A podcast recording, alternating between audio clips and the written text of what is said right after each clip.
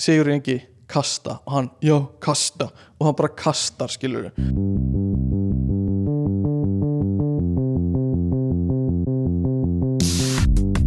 Halló er eitthvað að frétta? Já það er ekkert að frétta. Já það er ekkert að frétta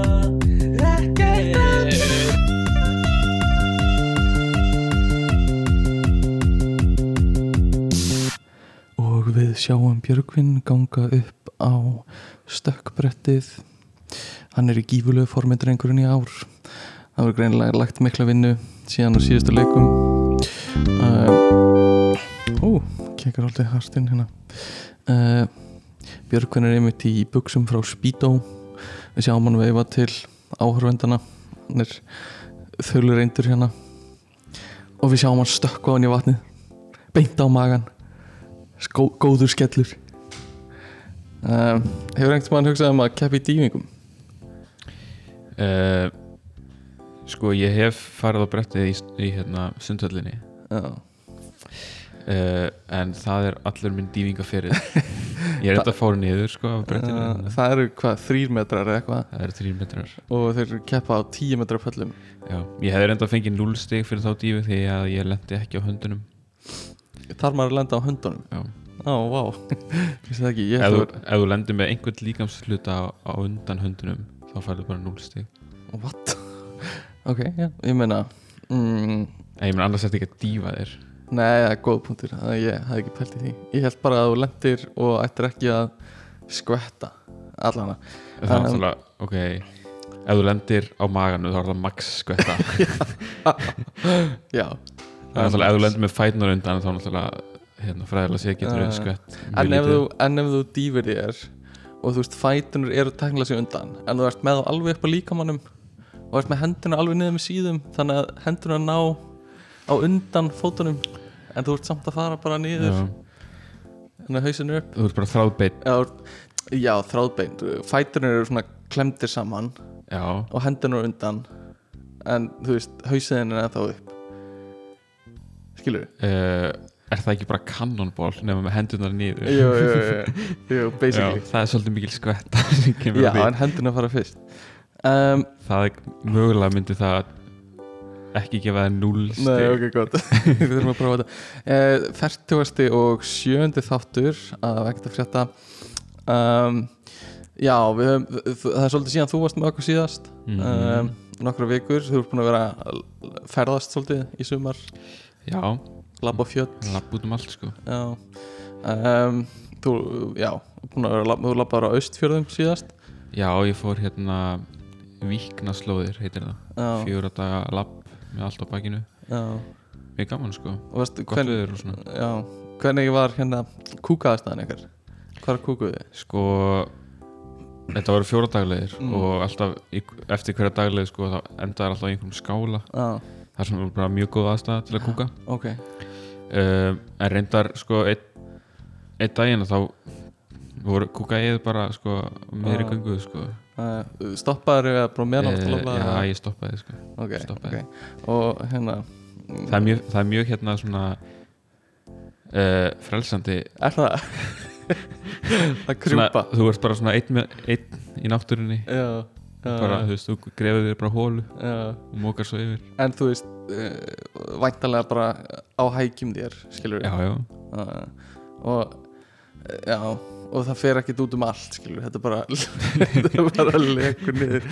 Mm, bara eins og þau kú- kúkar í Já, klósetið já, já, væntalega um, Jó, mér finnst það bara ég hef ekki gert þetta í mjög langa tíma. Nei, ég held, þetta er fyrsta skipti sem ég svona heldur þetta sé hálf eftir því að hafa, hafa gert þetta sko. Að því ég man, ég man eftir að hafa farið einhvern tímann þegar ég var í útlönd, þegar ég var í Marako þá var klósett sem var bara hóla skilur og það það var er mjög víða í já, líka sko. Bara kúka og pissa þar. Já, uh, og á hækjum sér sko. Mm ég er ekki frá því að það sé bara hálft sko. Það er talað um að það sé svona náttúrulegasta leiðin fyrir já. sko, eða náttúrulegasta staðan til þess að það er alltaf einhver svona myndir svona teiknaðar myndir af fólki og ég held, ég held að sé endaþarmurinn eitthvað sem er alltaf eitthvað svona hálf snúin þegar maður er sitjandi. Mm og ef maður er að hækjum sér þá svona réttist úr honum. Mhm. og all, allur kúkurinn kemst út. Mætti segja að það sé náttúrulegasta staðan til að losa saur Já. Um, Sko ég var verið að pæla í markasetningu fyrir þættina. Svona aðeins veit ég hvort maður ætti að fara að markasetja eða ekki. Um, Og uh, ég var að spyrja þig um daginn hvort er, hvað þið finnst um sko að, að prenta út bara svona litla miða mm -hmm. og bera í hús Mhm. bara hefur þú tjekkað þessu hérna podcasti eða eitthvað, ég veit ekki hvað maður myndir orða um, Er það alveg galin hugmynd eða? Sko við fórum aðeins í gegnum svona bara svona framkvæmdina Já, hversu marga meða þú þurftir að prenta já, já með við hversu mörg hús eru einmitt, einmitt. En, en ef við tökum bara svona burt veist, við myndum bara targeta náttúrulega þessa herrferð í veist, rétta aldurshópin og, og eða rétta markhópin og eitthvað svona. Þannig að þetta væri kannski tíðust miðar sem er Mhm. alveg gerlegt. En bara svona burt sér frá því er þetta fáránleg hugmynd að fólk fá miða inn í lúfunu sína sem er með eitthvað svona? Ég held sé ekki fárálega vegna þess að allavega ég hef ekki séð þetta áður. En ef, að, ef maður væri að fá fullt af svona þú veist tíu miða í viku af einhverjum podcastum að auglýsa sig þú veist, maður myndi bara það væri galið sko maður væri fljótur að setja engan fjölpost miða á, Já. á hurðina sko. Ég var að hugsa líka uh, strætóskíli einhver svona, einhver svona morgun þáttar mynd af okkur pósa eins og svona morgun þættir er alltaf í útarspinu á, á hérna strætóskílum svona hérna, Lói Bergmann með, já, já. með svona óþarlega breytt bros sko. sem er öruglega búið að fiffa eitthvað til í, í, í Photoshop sko. Svo hann hvað heitir hinn náungin sem er með honum? Þeir eru reyndar ekki á mo- morgnana heldur í eftirmiðdaginn. uh, Ég veit hvað hann er að tala um. Hann er, Var hann ekki með bingo eða alltaf? jú, jú. það er svo fyndi hvernig hann horfir á loga Já, já. á þessu mín. Það er klálega um, En hérna, já, ég, ég er svona aðeins búin að vera að pæla hvernig er best að markasetja Þú veist, mér langar aðeins að prófa það að því við höfum aldrei Þú veist, við höfum ekki sagt neinum frá þessu eins og beint, Nei. þú veist.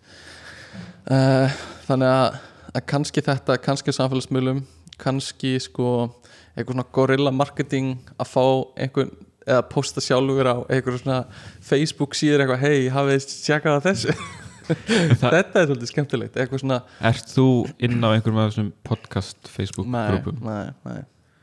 Nei, það væri Ég- áhugavert að vita sko bara svona hvernig það virkar því að það eru margir að posta eitthvað hei við erum hérna teg Einmitt, með þátt. Ég bara cringea svo mikið yfir því sko. ég á svolítið erfitt með það. Um, en uh, sko draumurinn minn er að einhvern tímann þegar það er spurt er einhver með góð podcast eða við um einhver podcast er að hlusta á? Að einhver sem ég þekki eða þekki ekki helst sem ég þekki ekki myndi posta þú veist okkur. Mm þá væri maður bara ok, búin að á stað. Halló mamma, búin að mega. Um, en, en já, strætóskíli ég var að hugsa, ég sá að það var opið strætóskíli rétt hjá mér. Það hafði einhver ó- opnað og svona, bla, svona auglýsingin var svona hálf lafandi út. Mm, Ok. Hugsa bara að fara að prenta og hengja einu en, svo er alltaf bara tilkynningatöflur víða, íþróttahúsum sundlugum prenta plaggöt og upp. Já, já, það var hægt sko. Um, ef ykkur dettur eitthvað í hug hlustendur af einhverjum svona marketing uh, hérna leiðum, láta okkur vita. Um, sko ég var með hérna ég var með hugmynd sem ég lang, langaði að prófa. Ei, sko, ég veit ekki alveg hvort mér langar að prófa uh, uh, mér langaði að taka svona mm, ég veit ekki hvað ég var að segja þú veist eins og er í hérna svona spjallþáttum í bandaríkjunum þá eru þeir alltaf með monolog í byrjun mm, og fara svona yfir fréttir sem voru að gerast eða eitthvað svona. Já, já, já. Og þeir eru með þú veist tíu þú veist, skrifar með sér að skrifa. Uh, Mér langaði að pró- prófa að gera þannig fyrir fréttir vikunar alltaf. Veist, ok. og það, þú veist, þá passa það líka svolítið inn í þú veist, ekkert að frétta nafnið á þættinum skilur mm, það er með sam, svona fréttir eitthvað uh, en, en það sem máli er að þetta verður ógæslega lélegt. Heyrðu, ekki segja það fyrirfram sko. Uh, ég er eiginlega alveg viss um það. Um, og það er engin áhörfundur til að hlæja. Þannig að þú veist það verður, það verður ekkert feedback. Heyrðu, Gísli Martin, hann flyttur þetta alltaf. Á Já. áhörunda, eða eru áhörundur í stúdíónu? Uh, það eru hérna, hérna viðmeldunir Já, það er alltaf þrýr sem hlæja. Já, já, já. Um, þannig að þú veist, ég er með eitthvað svona en svo líka þú veist það er erfitt að skrifa fimm myndur uh, í hverju viku og vera fyndin og eitthvað svona. Þannig að þetta verður örgulega bara ógæslega vandræðilegt ég að reyna að segja eitthvað. Þannig að, að ég er ógæslega til það og mér langar bara að láta vaða. Ok, og fólk er bara tilbúið að cringe aðeins þá. Um, en þú verður að hlæja sko. Ok, ég skal þú verður að hlæja. Ok, þó að þér finnist það ekki fyndi ok, sko. Ertu ekki með svona Það verður gott að ég væri með svona dósahlátur takka sem ég getur bara ítt af mér finnst það fyndið sko, og þá getur ég hérna þú mátt finna á YouTube og setja svo bara play alltaf hérna þegar þér finnst það fyndi en ég get ekki spilað á minni tölu Nei, við heyrum það í mækinum örgla Ok, þú ok. Og þú ert tilbúinn? Ég er tilbúin ok, þannig að þú verður að ímynda þér að ég standi á sviði fyrir fram að fullt af, af hérna áhöröndum mm Ok. Uh, eins og kannski einhverju sáu þá var jarðskjálti í Alaska í vikunni. Eða í nótt. Uh, 4,2 á ríktir uh, ég vil bara segja, ég vona þessi lægi með mömmin eftir hún datt svona harkalega. Uh, það er annarkvært það eða sko Amma Bá Dama voru að halda einhverju svaka tónleika og allir bandarækjumenn voru að hossa hossa. Um, uh, Já, en þetta var, þetta var alveg það stór skjálti að, að hérna, hann hafði mér þess að áhrif á, sko mælana sem er í flati og gaf, gaf þeim mælum sko rángar mælingar. Uh, uh, og þessi mæli sagði hefur skjálti upp á 5 rétt hjá einhverju einhver starf í flati. Uh, það er alveg svona típist fyrir Íslandinga og íslenska mæla að hérna, ef eitthvað gerist í Norður Ameríku og Bandaríkjunum þá erum við bara að herma eftir bara aðeins minna og aðeins eftir á. Uh, Mér finnst þér að sé svona smá búhljóð einhvers starf Getur ekki verið. Ok um, Allan, Ólympíuleikinu fóru líka í gangi í vikunni uh, sem basically þýðir það að ég geti eitt fimm tímum á dag að horfa á bókfum og það er ekki skrítið. Í staðan fyrir að gera það á YouTube. Um, Það er eitthvað, það er eitthvað svona, mjög steiktu bókfumi finnst mér, íþróttina. Þetta er eitthvað svona primal veiðimenn og safnarar svona hugsun sem poppar upp hjá okkur.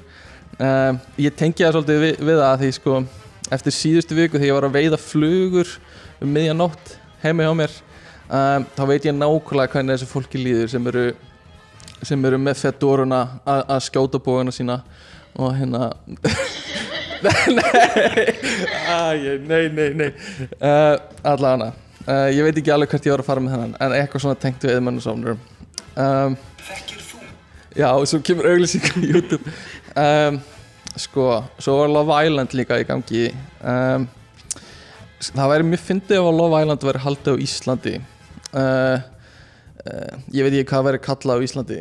Um, Metro Island eða, eða Hræstni Island hvað er svona típist fyrir Íslandi ó nei, nei þetta var algjör óþarfi. Ok uh, en ég væri til í alvöru þátt. Uh, það sem eru verið að tala um eitthvað svona nice birds og hérna og þú veist, allir eitthvað svona oh those are some nice birds á Íslandi. En það væri bara að tala um alvöru fugla. Og það væri allir bara eitthvað that's a bloody nice bird. Uh, nema það væri bara eitthvað svona 60 háskóla professorar að skoða hrossagauka og með svona sömu orðin. Og það væri kallað Love Island á Íslandi. Ég veit ekki alveg hvað viðbreyð þetta er. Sko, sagt Það sem stendur hér uh, er Village crowd active under mango trees talking, ok, laughing. Varstu bara að reyna að gera svona atmó? Já, ok um, ok, það, ég veit ekki alveg hvernig þetta ekki, þetta var, ég bjóð þetta til á 5 minnum áðan. Sko- um, já uh, Ég var á upptekinn við að hérna, finna einhver samtefekta já. en ég tengi ekki við hennan Love Island brandara. Nei. ég er enda, hef ekki tort á Love Island. Nei, þannig að ekki- ekki hvað þetta, er sko. Æ, ég veit að kalli bara kallast, held ég stelpur alltaf birds, birds. Já, ok. Og hérna mér fannst bara eitthvað fyndið að hafa að vera bara Íslendingar að skoða alvöru fugla.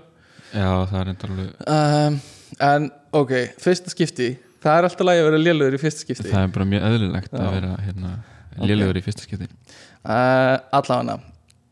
Sko, við ætlum að fókusa svolítið á ólupjuleikana núna og sumar ólupjuleikana um, Ég veit ekki, það vita kannski ekki allir sem eru að hlusta en þú ert hérna þú ert mikill íþróttamæður og ert alveg svona viðriðin íþróttir mjög mikið. Já, já.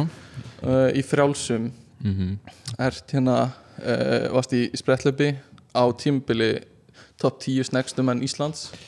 Já, já, ég var það. Og hérna á Íslandsmet í bóðlöpi og svona. Já, þannig að þetta er alveg svona þetta er góð tími fyrir þig.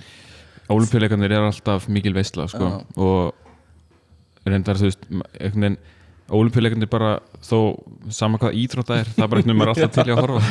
Já, en svo byrjar reyndar hérna aðal veistlan í á nótt. föstudaginn, já, einmitt. Já, þú varst að segja mér að hérna, þú hefur eitt helviti miklu tíma uh, að horfa á þetta undarfærið og þú veist, oft kannski með annan skján og opinn í vinnunni eða eitthvað. Já, ég er búin að vera að horfa á hérna, sko, ég er í svona verkefni í vinnunni núna sem að er smá heil, heilat Já, sko. þannig að maður leifi sér að hérna bara horfa sko, svona að vera með hálfan eða eitt fjórða af öðrum skjánum sko, hérna, undirtekin fyrir olimpíuleikana en líka vegna þess að það er allir í frí á skrifstofunni og við erum þú veist fimm sumastarfsmenn og allir hæðinni þar sem Já. venjulega eru kannski hundra manns eða eitthvað. Allir yfirmenn í fríi Já. þannig að það er engin að eitthvað svona gera aðtöðasendur sko. Einmitt. Þannig að maður leifi sér. Og þú ert ekkert endilega að horfa á þú veist, það sem maður er að horfa á það sem maður myndi stillinu venjulega. Þú veist, ég er bara að horfa á það sem Rúf er að sína mm, og Rúf er að sína veist hjólabretti já.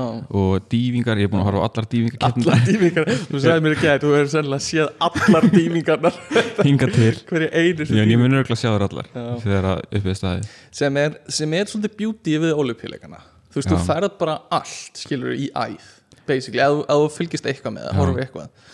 Um, sem er ógustlega gaman sko, að fá bara, eins og þú varst að tala um dýfingar, skilur Mhm. þetta er eitthvað sem ég hef bara sem ég hugsa ekki um í kannski fjögur ár Mhm. eða þrjú ár og svo einhvern veginn poppar þetta inn í einmitt. En þannig ertu bara að fá, þú veist basically heimsmyndstara móti í dýfingum beint í æð mm og líka sko mér líður núna eins og ég sé bara einhver sérfræðingur um dývingar bara já, þeirna, það þarf að lenda með hendunar undan sko og það, og, og maður, já, það er það sem gerist. Maður fer í eitthvað svona specialty mode eitthvað, og þú ert bara eitthvað og það skvettist aðeins svo mikið hjá henni hún er ekki nógu góð þessi. Eitthvað svona, já, og svo eru sko fimm flokkar. Það er hérna uh, heljastök aftur á bak og áfram Já. Og fram yfir sig og undir sig og með skrúfu og svo getur líka tekið úr handstöðu og vinglari stöðu svona, af hverju veit ég þetta núna? en þú ferður líka sko þú ferð að vera svolítið gaggrinnin sko Já, á já. eitthvað sem við hefði bara aldrei ekki hugsað um áður sko. Um, en svo er svo fyndið sko ef að Rúf myndi hennu bara segja eða hérna sína bara, þú veist EM í dývingum, já, það myndi enginn horfa. Enginn horfa. En bara vegna þess að þetta eru ólimpíuleikarnir já, einmitt. að þá er allir til í að horfa. Um, en við vorum líka að tala um sko uh, þú veist, rúf sýnir bara ákveðna greinar og það er fullt af greinar sem við sjáum ekki. Já, og það er sannlega út af því að þú veist, rúf vill hafa lýsa eða lýsendur á öllu sem þið sína mm. eitthvað svona. Lýsendurinn er alveg stór partur af ólupjuleikunum sko. Já, já, þeir eru mikilvægir sko. og sérstaklega þessi sem er í frjálsum og mm. örgulega einhverju fleiri. Hvað heitir hann aftur? Sigurbjörn Ari? Sigurbjörn Átni Átni hann er algjörst legend sko. Já, hann já, hefur farið út game, sko út á alla leikana hann er líka, og, hann er svona einn af fáum lýsum sem actually fara út, þú veist, það er kannski Mhm. þú veist, eins og núna eru held ég tveir eða þrýr íþróttafréttamenn sem eru þá að lýsa bara, bara heima veist, í stofu nei, sem eru úti sko, já, já. sem eru bara svona á vegum rúf, eða bara Mhm. svona starfsmenn rúf í fullu starfi og lýsa, þú veist, alls konar handbólta drasli, Já, en hann er oft held ég svo eini sem að fer út Já, já. gaggjart til þess að lýsa einni grein, sko. einmitt, einmitt. En það eru náttúrulega, þú veist, þú þarft að hafa sérþekkinguna og þú getur kannski ekki verið að fljúa út 40 manns nei, nei, alls ekki. Þannig að um, en veist, er hann- það gefur honum veist, það segir svolítið mikið bara um hann já, já, og veist, að hann, honum sé flóið út sko. sko, olimpíuleikanir, svona saga er að það þekkja þetta náttúrulega flestir að hafa allir lært þetta, þetta er bara legends. Um, frá náttúrulega Gríklandi hérna, íþróttarleikar í Gríklandi í gamla daga. Um, gamla daga er svona kannski vægt til orðatekið. Þú veist, sjöttu öld fyrir Krist byrjar þetta ein- einhvers staðar þá. Og hérna að koma uh, íþróttafólk frá öllum eh, fullt af borgum í Greiklandi sko og er að keppa hana og þetta er svona ákveðið svona uh, svona smá fríðar tími sem verður þá þegar leikanir meðan leikanir standa. Og hérna veist þetta var hjút stæmið hana í svona skilstmanni í Greiklandi og þeir jafnvel notið þetta fyrir tímatal líka. Þú veist að þeir miður svolítið tímatal sitt út frá þessu á fjögur ára frestir og olimpíuleikanir og þeir kölluðu fjögur ár þú veist olympiad að það er bara þú veist mæla einn eitthvað tíma fyrir þá. Og eh, já þau. Þannig að þetta er og, og svolítið skemmtileg svona pæling sko, það er jafnvel talað að fyrstu að þetta hafi byrjað út frá einhverjum svona kapplaupum hjá einhverjum stelpum eða konum sem eru reyna að komast inn í einhver hof hjá heru og þannig hafi þetta þróast út í einhverja íþróttaleika og hérna og svo, þú veist, mega stelpur ekki vera Já, það er mjög fyrir og bye bye stelpur og bara kallmenn Góð hugmynd, hérna Við ætlum að fara að gera þetta að gera þetta.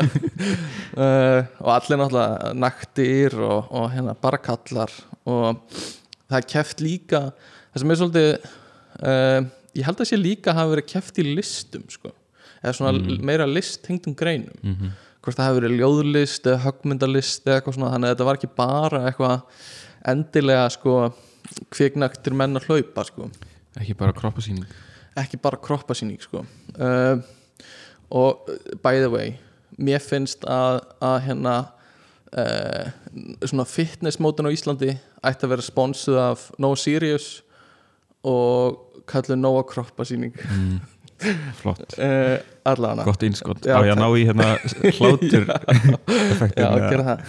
Um, Allavega, það er hérna Þetta eru og já, þetta voru svona legends sko, sem unnu þetta líka. Og ef þú vannst, þú veist, á einhverju ólpjuleika þá voru bara, þú veist, saminuðum þið fullt af ljóðum og lögum og eitthvað svona sem mér finnst svolítið vanta í dag. Ég væri til í að Katy Perry myndi semja lög fyrir sigurverðina Alla alla sigurverðina uh, fá eitt lag frá Katy Perry. Um, og já, þetta voru og svona, þú veist, það var litið upp þeirra og þetta var bara svona partur af því var þetta legacy sem þeir fengu, sko. Þú veist, þú varst bara þú varst fucking legend þú vannst, skilur Mhm. og hérna og ennþá í dag eru varðveitt nöfn af einhverjum sigur, skilur sem, sem er svolítið magnað, sko. Mhm.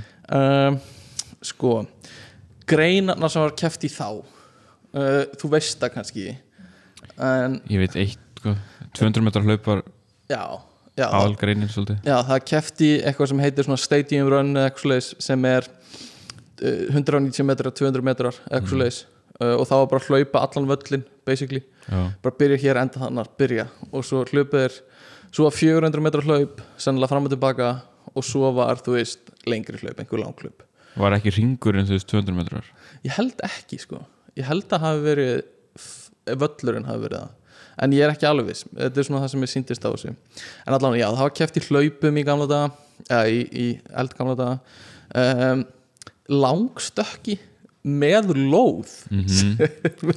ógislega fyndin pæling.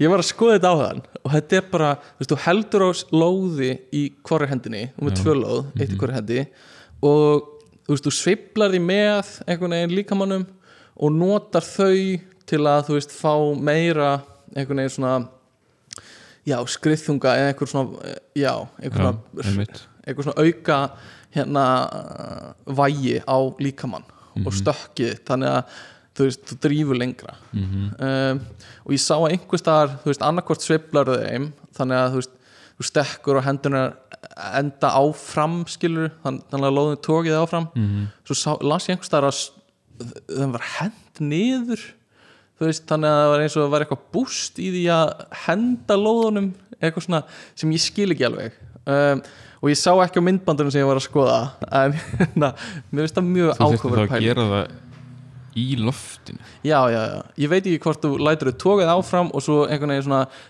pressar þau niður eða eitthvað til þess að hérna, lát, ég skil ekki. Allan að eitthvað svona að þú hendir lóðunum þegar þú stekkur. Um, og svo voru svo veist, köst, kastgreinar Mhm. kringlukast, uh, spjótkast og hnefaleikar voru líka keft í Já, uh, og þá voru þeir oft með sko þá bundir einhverja vapninga um sig og fyrst voru þeir svolítið mjúkir og svo þeir þetta þróaðast á og þá var fólk farið að nota bara svona harða leður vapninga sem gerði bara andlitið á anstæðinginu bara afmyndað eftir það, ég veit ekki hver pælingin var baku það. Um, og svo er það með glímur uh, og, og eitthvað sem heitir pankration sem er einhvers konar blanda af hnefaleikum og grímu og það er alveg krímuðu kropp, það er alveg mm, að keppi því, þá ertu mesti sko, stríðsmaðurinn og það er langarvæðast, einhvers svona blanda af glímu og hnefaleikum Einmitt. Þetta hljómar allt svona þú veist með þessar greinar sem eru svona ógeðslega præmal einhvern veginn bara hei, hver getur farið á sem skemmstum tíma frá A til B? Hei, hver getur tekið þetta áhald og kastað í lengs kasta þetta er í svona- komdu í slag. þetta er bara ofbeldi. Þetta er bara svona hvað getur gert með líkamannu já, já. og já, stundum með áhöld og svo líka bara slagur núna. Um, já og svo voru hesta íþróttir líka með svona vagna. Já, og hérna ég veit ekki hvort það voru uh, sko örgulega einhver svona hérna uh, tímataka races hérna einhver svona keppnir. Mhm. uh, að fara í hraðast og svo líka örgulega bara eitthvað svona veist, henda á vinnum af vagninum slags Mhm. og svo er kempt, keft í fimm þraut sem er blanda af þessu drasli sem við vorum að tala um áðan. Uh, og þetta var það sem kefti og svo held ég einhver svona listgreinar sem ég fann ekki nógu mikið um en hérna, ég er ekki viss sem endilega að vera partur af þessu, ég gæti verið að hafa bara verið keft í því til hliðar einhvern veginn. Mhm. um, og þetta er uh, var lagt af þegar Rómaveldi fór að, að hérna uh, svona rífa kjaft og hérna svona aðeins að, að, að gera sér svona sveran. Og það var í kringum, ég man ekki 200 fyrir Kristi eða 400 fyrir Kristi eða eitthvað sliðis, skiptir ekki máli. Allavega, þetta tekið upp aftur uh, og var svona það var reynd að taka þetta upp aftur í gegnum tíðina frá miðöldum og fram í uh, á 19. öld. Og svo loksist tókst það af einhverju viti ní- 1896 Mhm. og hefur verið haldið síðan. Og það er svolítið það sem við ætlum að fókusa á núna. Mhm. um, en það var haldið að þennu þá uh, Legendary Borg. Hefur komið til aðþennu? Nei, Nei. Um, og aðþenningar ha, hefur þú? nei, ég vissi að það hefur ekki komið ok, ég var bara að spyrja. Uh, en, Þetta hljómaði samt svona eins og væri að svona, Já, þú, spurðu þú ætlaði síðan að fara að segja einhverju sögu frá aðþennu sko. hefur það er frábæð borg, þú verður að fara það Já, uh, en hérna uh, já, að, sko, Aþena vildi bara halda þetta þú veist, 1896 og ekkert vera að dreifa þessu um heiminn, skilur henni hvað finnst þér um það? Hefur vilja, sko, ég ferði vikna allavega svona til að byrja með uh, þá hef, hérna, var ég alveg hlindur því, sko. Mér fannst alveg astnulegt að hafa þetta ekki bara í Aþenu alltaf, sko um, Það er alveg örgla Svona svona rökrétt framhald veist, og svona, "Æ, ok, þetta var alltaf í aðþennu höldum bara áfram með það í aðþennu en svo er það örgla bara, voruð of dýrt kannski að ætla bara að halda þetta þar og líka Og- náttúrulega bara að tengja heiminn og einmitt. ég held að þetta hefði ekki orðið stórt og þetta er í dag ef þetta hefði alltaf verið í Aþenu, sko. Ég held jafnvel að þetta er bara eitthvað svona þú veist, svona uh, smá íþrótt, eða þú veist, íþróttamót kannski Já, já. svona reykköpp nema bara aðþennan köpp, skilur þannig að ég held að hafa alveg verið rétt ákvörðin, sko. En mér finnst það eitthvað töff við það að keppi að, eða þú veist, hafa þetta í aðþennu, sko. Þú veist, það væri alveg töff ef það hefði náðust að vera hefð alveg þangast til í dag, þú veist. Mm, alltaf í aðþennu, bara fjör ára fresti eitthvað svakamót, sko. Það er góða punktur, sko. Það væri alveg næs en Já. bara kannski mjög svona mm um, bara svona ekki raunhæft kannski. Nei, einmitt. og nú ætlum ég að telja upp listan á öllum borgum sem þetta hefur verið í. Ok, það var í Aþenu, það var í París það var í, nei, tjók, ég ætla ekki það. Haha, ég var alveg undirbúinn sko.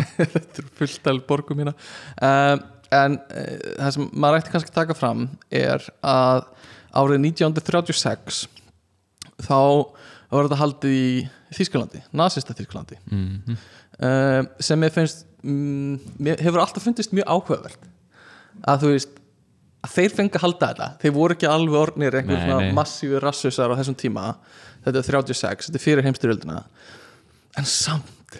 En þeir væntalega fengu sko ég veit svo sem ég hvernig þetta var þá hversu, Nei. með hversu miklum fyrirvara þetta var ákveð meinar. kannski var þetta ákveð með þryggja fjögur ára fyrirvara einmitt, einmitt. en þá hefur það sennilega já, það gæti verið, ef þetta var ákveðið með lengri fyrirvara 20 ára fyrirvara, þá var að vera ákveðið að í fyrri, fyrri heimstyrjöldinni þetta er ekki svo langur fyrirvari. Nei, ok. Þú veist, núna er þetta held ég þú veist, að núna mjög nýlega var verið að tilkynna að 2032 verður Já. það í Brisbane. Já, þú veist, það er tíu og Já. uh, við getum farið yfir það. Það er sko uh, vetrarólypíuleikarnir er verið í Kína og sömurólypíuleikarnir næstu verið í Fraklandi og svo í uh, Bandaríkjunum og svo í Ástralíu. Mhm. sem er spennandi. Um, smá trivia, mm, hver er eina borgin sem hefur haldið þrísvar um, einhvers þar í, í Los Angeles Nei. er, er það í Bandaríkjunum? Nei. Ó, er það í uh, Greiklandi? Nei. hmm, það hefur tvisar í aðinu ok 2004 og þannig 1896 Já það er í London London, já það voru náttúrulega bara nýlega í London Já. um, og þegar, þe- þegar það verður í París þá verður líka búið að vera tvisar í París ok uh, mér finnst það ætti að vera bætt við að hoppa París. Í París, í París sem íþjóttagrein um, en hérna við erum allan, já við erum komnir í nútíman nútíma hérna legendary leikana og uh, það eru uh, það, vo, það, veist, það voru fullt af greinum í, svona, í byrjun árdaga nýju ólpjuleikana mm um, sem er ekki lengur -hmm. sem eru mjög stiktar greinar það er eitthvað sem heitir Jeu de Paumu eða Paume eða eitthvað svona sem er franska uh, fyrir þá sem vissið ekki ég er reybrennandi fransku en allavega, og mér sýnist þýðingin að þau vera sko real tennis bara svona eins og, Ok. eins og tennis sé ekki nógu gott og þetta er ekta tennisi sko. já. Svo, gatekeeping. Já, smá gatekeeping. Þið eru ekki tennis Við erum real tennis. Um, sem er eitthvað svona, svona spaða uh, íþrótt sko. um, bara spaðar sem er algjöru spaðar sem spila. Já, og það eru alls konar svona spaða íþróttir sem voru sem, sem búið að taka út. Cricket Mm. og krokket pældi því. Uh, er ekki lengur rugby, einhver tegund að handbolta, póló rugby er þetta komið aftur. Já, rugby er komið aftur en það heitir eitthvað annað. Eitthvað seven rugby eitthvað já, svona. bara sjömanna rugby. En kannski svona mest svona áhugavert í þessu er hérna reypitók mm. að reypitók var grein á ólpjuleikunum og uh, frá 1900 til 1920 Mm hversu fucking steikt? Af hverju er það steik þetta er bara steikt skilur þetta er, ok, það er hvergi keft í reypi þú veist, það er ekki heimsmeistaramóti í reypitógi jú, er það? Það? er kefti það er svona nýskrein þú veist ert að segja mér fréttir Þú, sko. veist, þú getur alveg bara að fara á YouTube og leita að einhverju svona En er það ekki bara, veist, eins og það keft í uh, hver er fljótastur að leysa Rubikskub eða skipta föt eða eitthvað svona? Hvað veist, meinar er þetta- eins þú veist, heldur, það er, er, er, til Feder, International Federation of Tug of War. Ég veit það ekki, ég skal bara Googla. Bara googla, veist, það er allan ég hef séð á YouTube, Ok. bara veist Ok. bara England móti Pólandi í reiptói Ok, og uh, ok, þetta er greinlega bara uh, íþrótt. Ok, ok, hérna, á Wikipedia Tug of War, highest governing body Tug of War International Federation. Guð minn almáttugur. Uh, þetta er sko það er átta í liði. Já, eins og þetta er núna. Þú veist það hafa verið haldið svona heimsleikar frá 1981 uh, uh, 1981, ok. þú veist það, já. Þetta er basically, sko, MRVFI uh, uh, er basically að halda þessu uppi, sko. Mm halda hefð tug of war gangandi. Um, en allan, mér fannst þetta bara eitthvað eitthvað reypitók, þú veist ímyndið er að æfa bara fyrir reypitók að þú veist, já, þú ert bara á liftingaprógrami fyrir það, þú ert að mæta æfingu þrís, fjórusunum í viku og mm þú veist, mætir á olimpíuleikana í hverju ert þú að keppa, ég er að keppa í einmitt.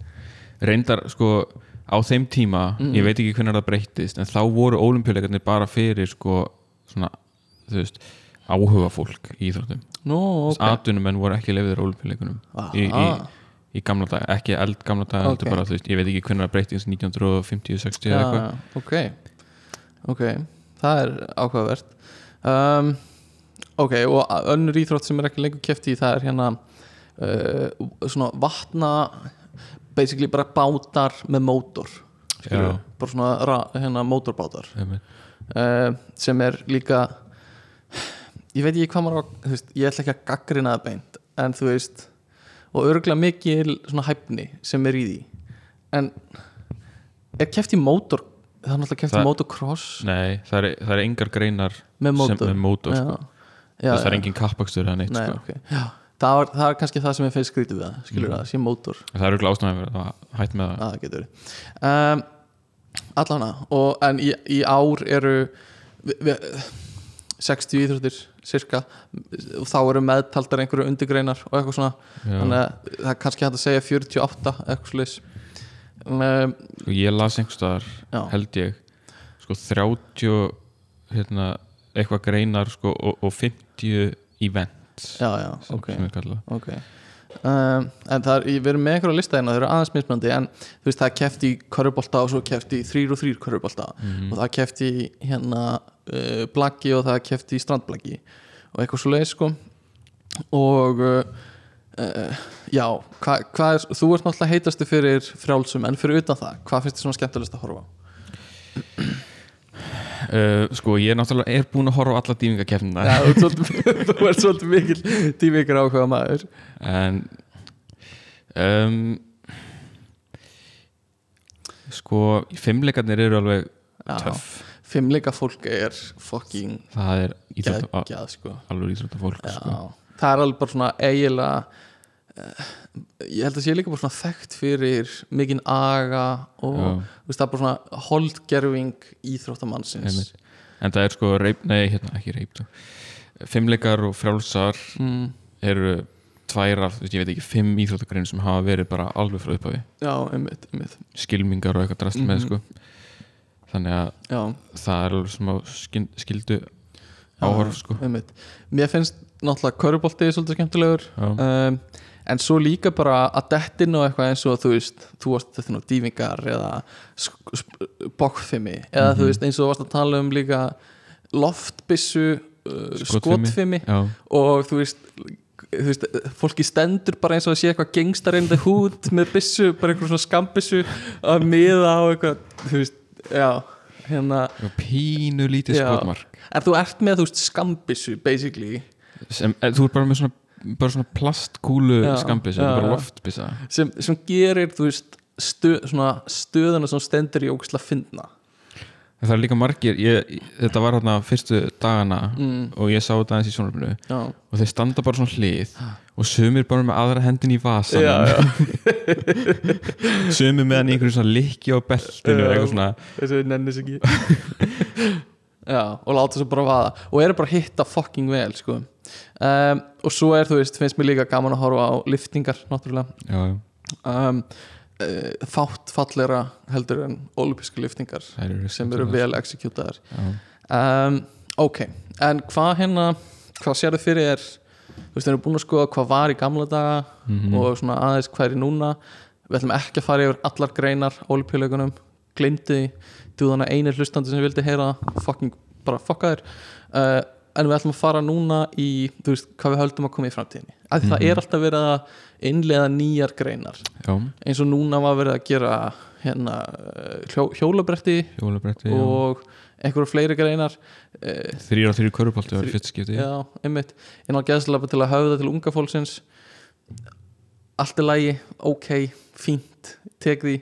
Eða þú veist, er það ástæðan fyrir þessu, að, til að höfða til unga fólksins? Að hjólabretti eru já, og er, er, fyrir var það kvöldi hvar sástu það? ég, ég sá þetta einhvers þar að vera að tala um þetta að vera að reyna að höfða til unga fólksins með því að innlega einhver svona greinar. Ég veit Um, það ekki. ok, er, er þrýra og þrýra körupolti eitthvað meira fyrir ungt fólk heldur en bara venjulegur? nei, en ég hef reyndar heyrt sko og lesið að þessi þrýra og þrýra körupolti sé bara rosalega skemmtilegur að horfa á sko. Já, já, ég held það sko ég get alveg trúið um, en hérna, já, hvað held- höldum við að sé að fara að koma á olimpíuleikina uh, núna á næstunni uh, náttúrulega fyrsta sem hægt er að telja og við ættum bara að klára raf íþróttir já, ég vona ekki. Nei, nei, nei, þú vilt halda þessu þú veist, púritanni fyrir mér Mm. þú veist, sko, rafíþróttir eru bara skemmtilegar, Já. þú veist, fyrir þá sem fíla það. En fyrir mér hafa þær ekkert með svona íþróttir í svona klassiskum skilningi að gera veist, rafíþróttir eru bara keppni Mm. veist, eins og það er að keppa í alls Mm. konar drasli sem á ekki endilega heima á olimpíuleikunum eða fyrir mér mér finnst eins og olimpíuleikarnir ættu bara að vera veist, eins og þurfi eitthvað svona líkamlegt mm -hmm, þú veist, sem einhverja svona líkamlega reyfingar til þess að, mm þú veist og ég, ég meina þetta ekki einhverju svona einhverju svona gatekeeping svona, þú veist, að nei, ekki fyrir tölvufólk eitthvað. Nei, nei Uh, ég skil þig, en það var náttúrulega að vera að gefa út grein og vísi bara í vikunni um mikilvæg sveps fyrir rafíþróttafólk. Já, það er enda rétt. Uh, sem ég fannst mjög, mér fannst eitthvað fyndið við það. En sko, ef þú, ef ef þú fara að keppa í rafíþróttum þú veist, Mm. þá getur þú fara að keppa basically öllu sem að er keppt í. Já, sem, það væri svolítið áhugavert hvernig það verið gert en, en hvað finnst þér um að gera bara sér olimpíuleika sem er bara í Olympics eða Olympics eða eitthvað svona bara, þú veist, flott. Ok, ok. Go for it, sko. En já, sko rafíþróttir þetta er svo fucking heitlandi koncept. Um, Já, náttúrulega bara þúsundir, þú veist, það er hægt að keppi öllu, skilur við, Mhm. þetta vinsalastæja kannski, þú veist, Fortnite, Counter-Strike. Ég veit ekki. Lól, Dota. Já, hérna bílaleikurinn, fótballtabílaleikurinn hana uh, sem þú átt með að segja hana Rocket League og eitthvað svo leiðis, það, það er bara hægt að keppa í öllu og í einhverju svona, þú veist, keppnum. En svo líka ó, þetta, ah, alveg ótrúlegt. Ég datt inn í einhverju svona YouTube-hólu um daginn sem er, uh, þú veist önnur keppni af, af ra rafíþróttum sem er uh, speedrunning. Mm sem er þá ertu bara að reyna að klára einhvern tölvuleik eða eitthvað verkefni í tölvuleik eins fljótt að þú getur. Og þú veist það sem fólk hefur eitt tíma í þetta og bara í fáránlegustu hluti. Já, ég datt inn á mynd datt inn á myndbandu daginn um sko tölvuleikin Jack 3 úr Jack and Dexter seríunni já, það sem var verið að spýtruna þann leik og það var bara búið að greina hverja einustu sekundi í einhverjum einhverju hérna rönni hjá einhverjum leikmanni og þú veist, þau voru með sér orð og skamstafanir fyrir einhver borð í þessu og þetta er bara svona bara einhver svona heimur út af fyrir sig það sem voru bara einhver svona seleb bara þessi gæi er búin að vinna leikin á þessum hérna tíma og svo kemur allt í hennu þessi gæi og hann umturnaði Jack 3 heiminum í spýtrunni og þetta voru bara eitthvað svona legendary nöfn En er þetta ekki bara eins og í fimmleika heiminum eða eitthvað? Jú. Það sem að, ég er búin að vera að horfa eins á fimmleikana Já. og þar eru hérna eh, einhverju tveir nöllar að lýsa sko, eða ein kona einn kall. Náttúrulega vita allt um þetta sko, Mhm. einhverju landslýstjálfar landslýstjálfar og eitthvað. Og þeir eru náttúrulega með hugtökinu hreinu og þú veist, eitthvað svona þú veist, öll, allar æfingarnar nefndar eftir einhverjum legendum sem að gera þar fyrst. Og svo, svo, svo ertu með einhverja konu eins og Simon Biles sem bara, þú veist eins og gæin í Jack 3 speedrunning Já. heiminum bara umturnaði bara hvernig Já. íþróttin er klálega, Leikinn, ég, sko. ég er sammála því en, en það sem, þú veist, mér langar að svolítið íta á er hvað þetta er svona obskjór leikur hvað þetta er leikur sem er ekki eitthvað huge, skilur, þetta Já, er já, ga já. eldgamall leikur af, þú veist, miljón tölvuleikjum sem er hægt að spila en það er samt bara eitthvað svona reisastórt, eða, þú veist, virkaði svolítið stórt community í kringum það Mhm. þetta er bara eins og að velja, þú veist ég veit ekki, bara eitthvað svona ég veit ekki, þetta er bara svo skrítið hvað er til hvað er til í heiminum, skilur mér finnst ekki að þetta ætti að vera til en það er bara til eitthvað huge community þú veist, ef það er til í kringum þetta þá er það til í kringum fullt af öðrum tölvuleikjum, bara Já. öllum tölvuleikjum Mhm. um, ok, sem myndi líka gera svolítið erfitt að velja leikjana sem ætti að vera keft í Mhm. þú veist, það er bara af hverju keft í Fortnite á olimpíuleikunum, af hverju ekki keft í kod eða eitthvað bla Einmitt. Þannig að, þú veist, bara hafa það kannski út af fyrir sig. En ég, svo er náttúrulega spurning hvort að rafíþrótta fólk og Mm. rafíþrótta sambönd hafi áhuga á því einsinni Nei, það er alveg góð punktur. Þú veist, þeir þurfa ekki að nógur peningur í þessu út, þú veist, burt sér frá því. Já. um, Ég veit ekki, það er alveg góð punktur sko, hvað þau vilja. Kanski, það er náttúrulega alveg gaman að vera með í þorpinu og eitthvað svona, ég veit ekki. Já, já, um, En hérna aðrar íþróttir sem ég myndi vilja sjá uh, kraftletningar, mm alveg sens. þær eru ekki uh, ég var einhvern veginn að lesa af hverju það væri ekki fólk var að tala um að það væri þú veist, og mikið dópa og erfitt að regulata og eitthvað svona. Mhm. ég sé það ekki alveg. Þú veist það er keft í mótum út um allan heim sem eru partar af einhverju íþróttarheimingum Er Það að regulata það heldur en bara olimpískar Nei, ja, ég held ekki sko. Ég skil ekki alveg munin að því sko af hverju þetta er og hitt ekki sko kannski þyrfti alþjóða kraftlingasambandið eitthvað að aðlaga sig að einhverjum reglum. Það getur verið, ég þekki ekki. Um, uh, Folf, hvað veist þér það? að fá Folf inn í olpjuleikana um, það kefti golfi. Það er keft í golfi þannig að Mhm. já já þú veist þeir þurfa glæðins að stækka svona, og, en þú veist þeir eru ennþá svona soldi nýs nýs ennþá Mhm, svona á jáðurinum en einmitt. þú veist ef að það er keft í golfi Mhm, af hverju ekki fólfi finnst þér að ætti að vera svona ef það er keft í þessu, af hverju ekki þessu? Að það ætti að vera rökin? Eða hver, hver finnst þér að vera rökin fyrir að fá að taka þátt? Um, að það sé áhugi já, að það sé að, að standardin sé hár Mm. að gæða standardin sé Já. hár. Ætti að vera einhver tala yfir þáttakendur á heimsvísu eða eitthvað mm, sko, hérna alþjóða olimpíunemdin eru örgulega með einhverjum svona reglur Mm, eitthvað svona sem að íþróttið þurfa að uppfylla til að hérna fá að taka þátt en, en einhvern tíman var sett bara hámark á greinar sem mega vera eitthvað en það er enda komið yfir það núna en hérna Já, uh, en mér finnst ekki að það sé eitthvað svona veist, ef það er keft í þessu þá á eigi automatist að fá að líka keppi hinnu. Mm uh, Folf, já uh, Crossfit, svona spurningabarki mjög fyndið að Crossfit leikanir eru haldnir á nákvæmlega mjög samtíma áhugaverð ákvörðun og Mhm. væri, ég reyndi að googla þetta aðeins áðan bara þú veist, af hverju? Já, fann ekki neitt á Nei. fyrstu síðan á Google. Einmitt. En á fyrstu síðan á Google, ef þú finnur ekki á fyrstu síðan á Google, þá er þetta ekki verið að finna en bara svona, já, þú veist að Ef þú vilt fela þitt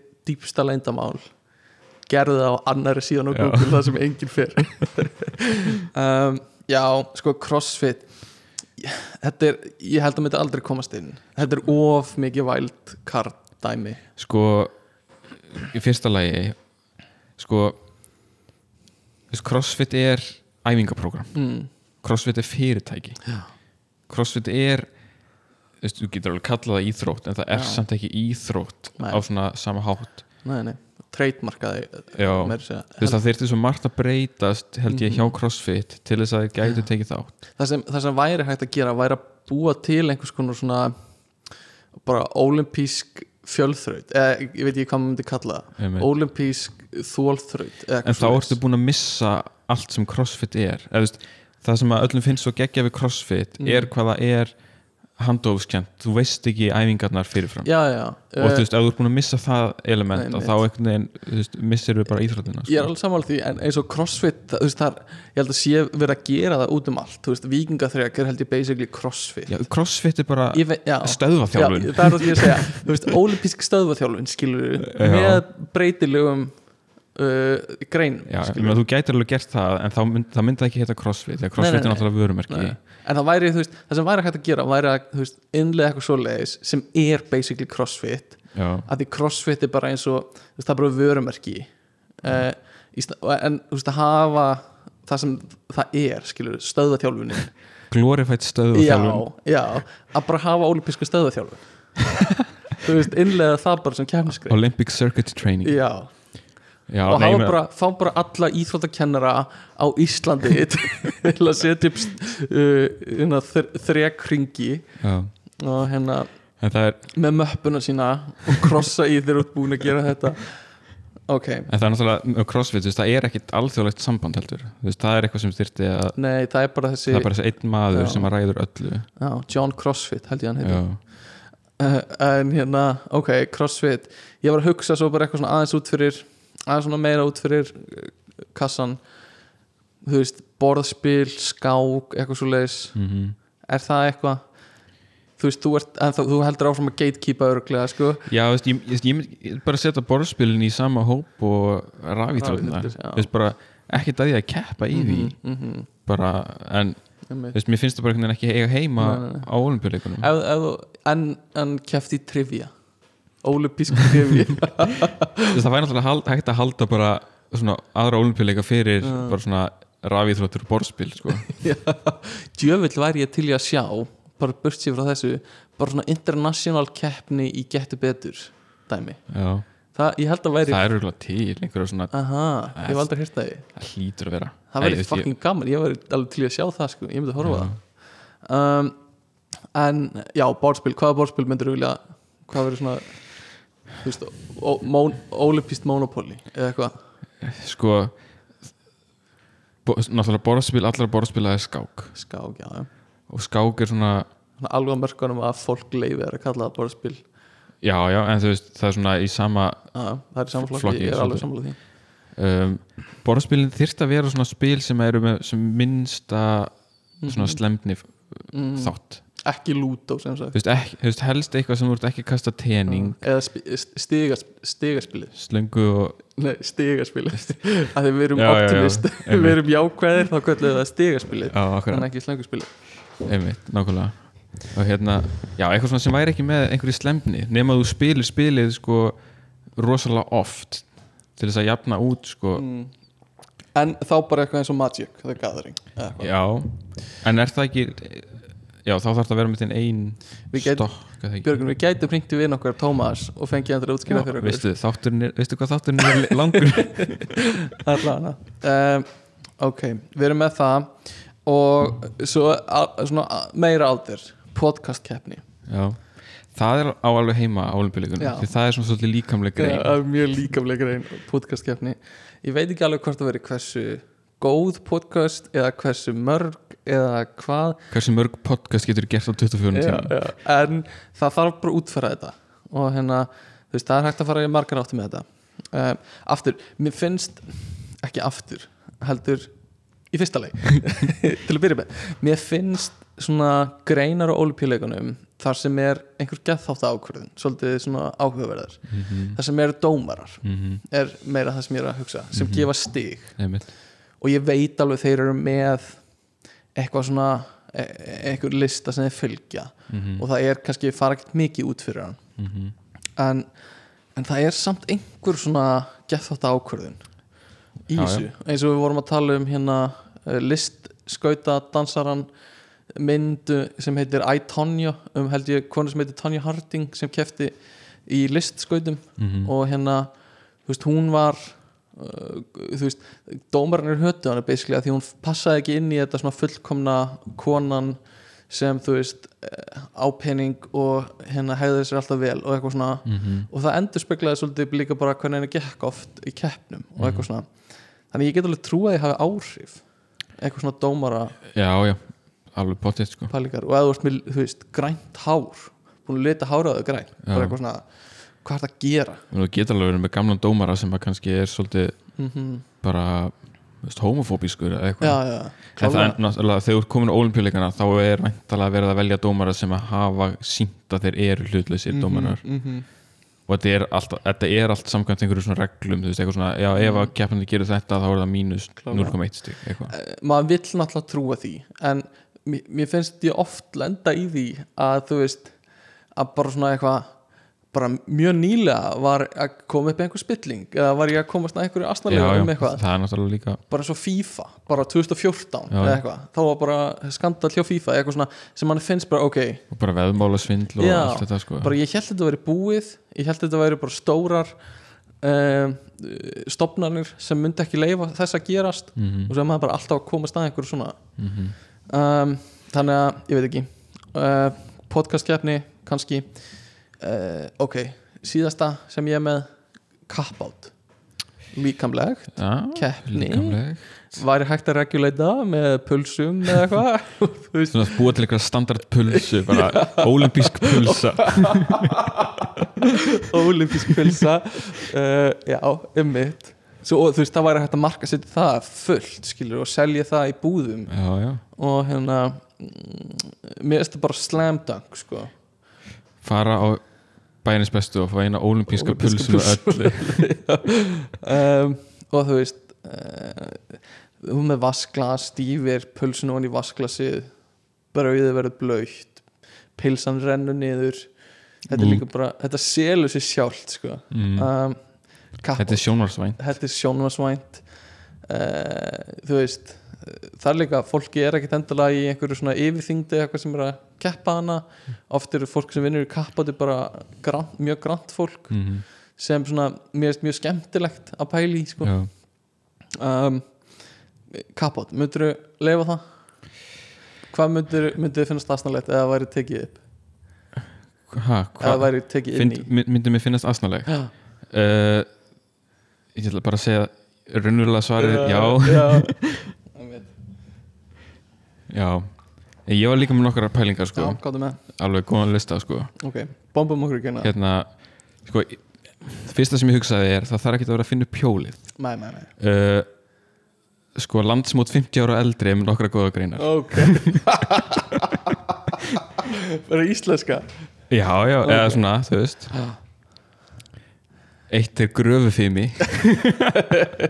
ertu að grafa hólu þá þú veist, ég veit ekki, kannski ertu á gröfu og þú veist, þarf að þú veist, taka upp einhverja Já. hluti, svona gröfukallar eru fáránlega flinkir á gröfuna sína sko, já, ok, geta gert, þú veist, þeir hafa meiri stjórn á gröfunni sinni heldur Ok. en sko hendinni ok, ég held að vera eitthvað svona að grafa hólu með skóplu dæmi líka ég held að það sé meira sko, þú ert bara á 17 Mhm. tonna hérna, kattgröfunni sko. talandi um það, það er svona eitthvað sem mér finnst svolítið vera í anda reypitáks grafa hólu já, Þú veist, það er alveg hægt keppi, það er alveg líkamlegt þú gæti alveg verið með grein sem bara, ok, grafa einhverja standard olimpíska hólu Ólimpísk hóla og móka aftur onni hana. Já, já, bara, og svo ertu með bara mælir hallamáli eða eitthvað hvort að hún sé, það sé búið að grafa nógu vel yfir hana, allana, hvað er með? næsta pönnukökubakstur ok, er þetta líka keppt í þetta er, gett í Ok. þessu á, landsmóti 50 ára aldri. Ok, þetta er bara svona ömmu og afa íþrótt sem er vel hægt að og, líkamleg, þú, þú, þú kannski með tvær, þrjár pönnur í einu. Já, klála, og svitnar og það er heitt í veist, þetta er eitthvað sem má alveg heimfara yfir á, á hérna venjulegu og bara krakka, bara byrja að snemma. Já, bara fimm ára, skilur við já. get them while they're young. Mm og svo er þriðja sem er svona alveg íþrótt sko, sem heitir Ringo. Hefur heyrt um hana nei, ég held að það sé einhver pólsk íþrótt ok. sem er enda með einhver svona uh, aðra hérna útgáfur í öðrum löndum. En þetta er basically blag með einhver svona gummiringjum á, þar sem að þú veist, þú kastar ringinum yfir á, og þú veist hinn er þurfa að grípa þá, það með ekki lendi í gólfinu. Ok. Þetta er einhver svona eldri manna íþrótt sko. Ok, þannig að, en svo uh, hérna nokkra svona þú veist, það er alveg svona svona íþróttagreinar sem eru svolítið á jæðrinum eins og hérna svona sparkblag blag með svona pínlitlum Já. eða frekar litlum boltan ef þú þarf bara að sparka. Bara maður séð bara svona myndbyrta á þessu netin sko. þetta er svolítið þetta crazy. er svolítið asíst sko. Þetta er mjög crazy sko. og þeir eru fánálega flinkir sko. Og svo er líka til svipað með borðtennis nema þá ertu með alveg bara fótbolta í fullir stærð sko. Já, og borðið er eitthvað skrítið í læginu já, uh, og svo svona það sem hollendingar gera hoppa yfir svona skurði með prík hefur ekki séð það jú, ég sé það það, þú veist, það gæti vel Já. verið hluti af frálstjórnakeppninni sko. einhvers konar svona stanga er að blanda stangastökki og langstökki sko. langstangastökk og þú veist, þeir sem taka þátt í þessu eru bara svona þú veist, einhver amatörar pældu í því að þú getur fengið bara já, og þróa þessa íþrótt í kannski 50 ár. Mhm. hvað þeir getur gert alveg klálega sko. Klálega uh, en svo hérna þú veist, það er íþrótt sem er basically bara eltingalegur það er bara einhver svona braut eða, með einhver svona alls konar hérna, hindrunum og svo er bara Mhm. einn á móti einum Já, og, og bara, bara þú veist bara klukka. Já, bara klukk, klukk. Svona, það. veist, þe- þetta er mjög líkanlegt og Mhm. þannig að veist, ef að þetta verður nógu stórt okkur ekki? Og þá er líka að fara að taka þetta aðeins lengra. Eina króna geti verið. Feluleikur lögubófa. Já, lögubóa Tarsan. tarsanleikur, það er snildarleikur. Það væri svolítið gaman að heyra uh, ég bara, ég, ég veit það ekki en þú veist, voru uh, fólk út um allt Ísland að spila það. leik sem heitir tarsanleikur ég held það þetta er ekki bara eitthvað sem, þú veist Nei, Við vorum í. það held ég ekki. Uh, Star Wars leikurinn ok, eða stjörnustrýð Já. sem nei, er svona nokkus konar uh, hérna, skotbolti? Já, nokkus konar dodgeball. Ok. Mætti náttúrulega kemur dodgeball. Já, já, já, klálega dodgeball. Já, ok, já, ég, bara allir þessi svona leikir sem maður var í þegar maður var yngri. Já, þetta er alltaf bara íþróttir. Bara íþróttir. Veist, við vorum íþróttafólk á þessum tíma sko. já. En svo er hérna, sorry ef ég er að lengja þáttin alltaf mikið. Nei, en hérna, veist, það er alltaf samin alls konar íþróttir. Já. þú veist eins og skíðaskótsemi þar var bara einhver sem að ok, við erum hérna með skíðin og skíðagönguna. Oh. það vantar eitthvað, það vantar eitthvað element í þetta til að gera þetta spennandi. Þá bara bættu þér við er, er, ég veit þú ert að fara að segja eitthvað en þetta er svona svipað að við vorum að tala um með hana dýfingarnar þú veist, þú ert með dýfingar já, og svo ert með paradýfingar Já, sem er bara alveg eins nema þeir eru tvö hlifið hlið tengist ekkert, þeir eru ekkert að hjálpast að þeir eru bara standið saman á pallinum og hoppið niður. Bara, og þurfum að gera nákvæmlega saman hlutin nákvæmlega saman tíma. Mm, það er eitthvað boring við að horfa á eitt dýfa sér. Það fáðu vinast með hann það er skemmtilega þannig. Já, en það sem ég dætt í hug sko uh, ok, bókfimmi af hesti.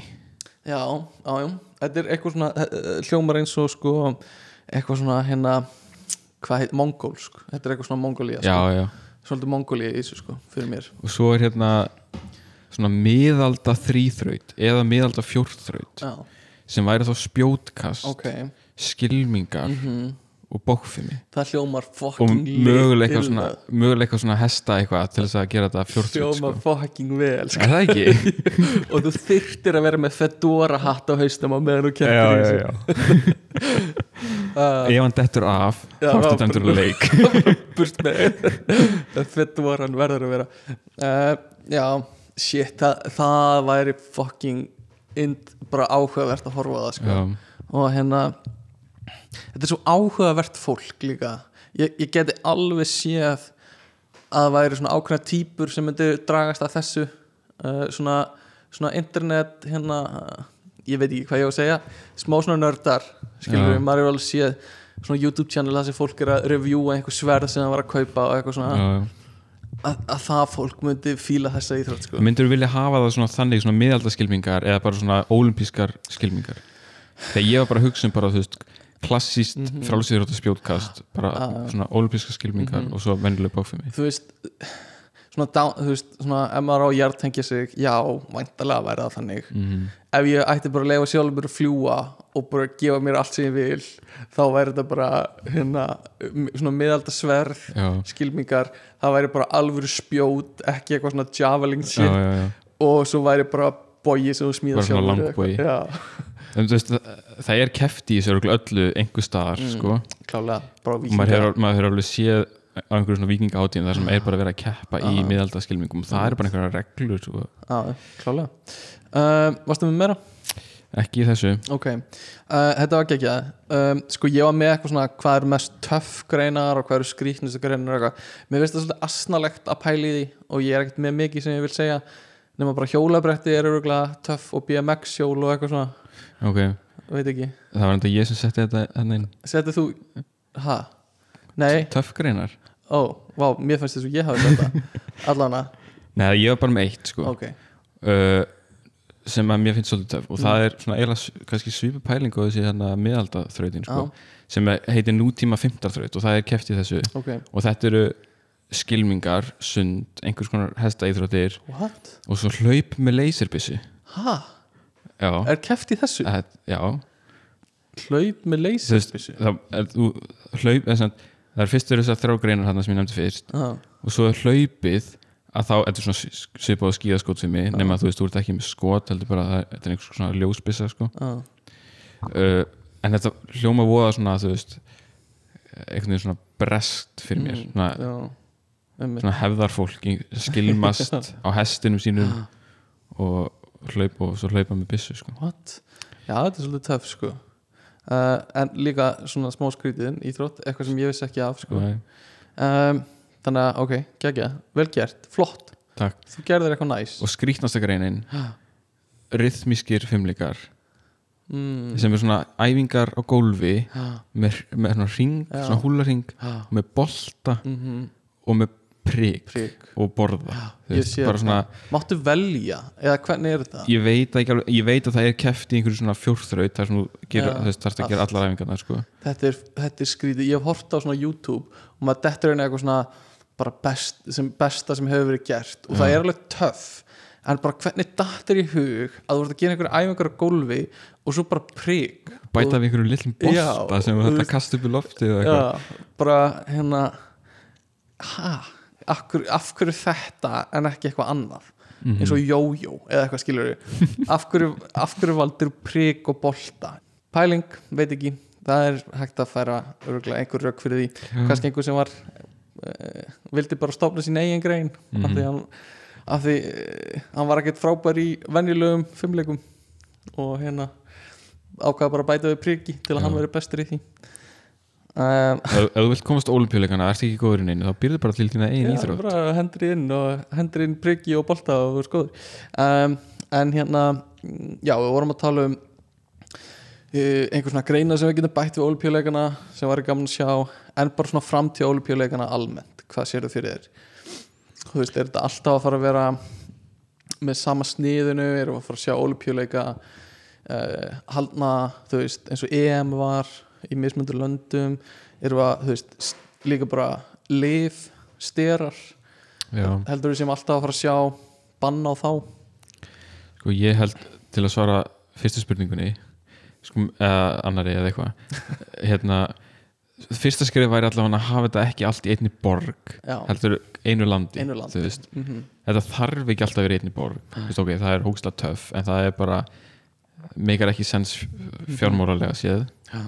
Þannig að ég get alveg séð fyrir mér að Mm. innan fárar olimpíuleika verður þetta komið aðeins svona stærra svæði reyndar held ég að fótballtakefnin í Mm. á olimpíuleikunum sé víðar í Mm. Japan heldur en bara Tókíu sérðu einhvern tíma fyrir Ísland uh, Ólympíuleikar á Nei. Íslandi það er bara það þú er veist, ekki infrastruktúri Ísland er að keppa á smáþjóðleikunum já, já, það er svona einmitt en, en, en uh, ef að Ísland verður miljón manns það er komin stór borg á Vík önnur stór borg á Akureyri eða eitthvað, um, en þá bara nei. þú veist, já miljón manns er mjög lítið. Já, mjög lítið, það er alveg góða punktur.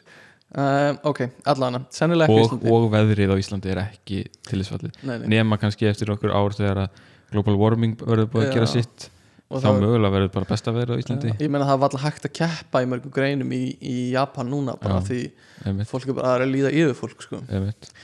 um, en hérna en með sterana Sterar. og lifin uh, ég held að allavega alveg svolítið lengi viðbót verði reynd eins mikið og hægt er að koma í veg fyrir það en svona ef að það væri búið að vera sínt fram á skilur að, að sterar og ég veit ekki hvað maður kalla þetta uh, bara Fram, lyf. framistuðu Já, bætandi fra- efni. já, ok. FBE eða eitthvað. Já, uh, þú veist, eru, eru ekki hættuleg veist, eins og þetta var fyrir kannski 30 árum þá var, veist, þá var það bara mjög hættulegt. Mm svo er kannski er þetta þróast betur og undir betra lækla eftirliti og eitthvað og jafnvel getur fara sínt fram á þetta sé veist, bæti einhverja heilsu eða eitthvað svona Mhm. og það er bara fólk farið að taka þetta út í bæ eitthvað bara sem einhvers konar fæðbótarefni eða vítamín eða eitthvað. Mhm. uh, þetta er orðið bara svona meira einhvern veginn inn í menningunni. Sérðu fram á að þetta sé enda á bannað? Mm, mundir þú ok, þetta er annað, árunlega að vera að svara. Fokka þér, haltu kjæfti ég ætla að halda áfram að tala. Uh, mundir þú taka svona ef að þú veist það er bara búið að sína fram á með löngur rannsóknum að þetta hjálpi bara taka smá testosterón eða eitthvað og þú veist hægir á öldrun en að gæsa lappa og þú veist bætir melningu og eitthvað svona já, já, örglega já, uh, já. Uh, það er eftir að segja. En þú vilt halda ólipjuleikunum bara hreinum?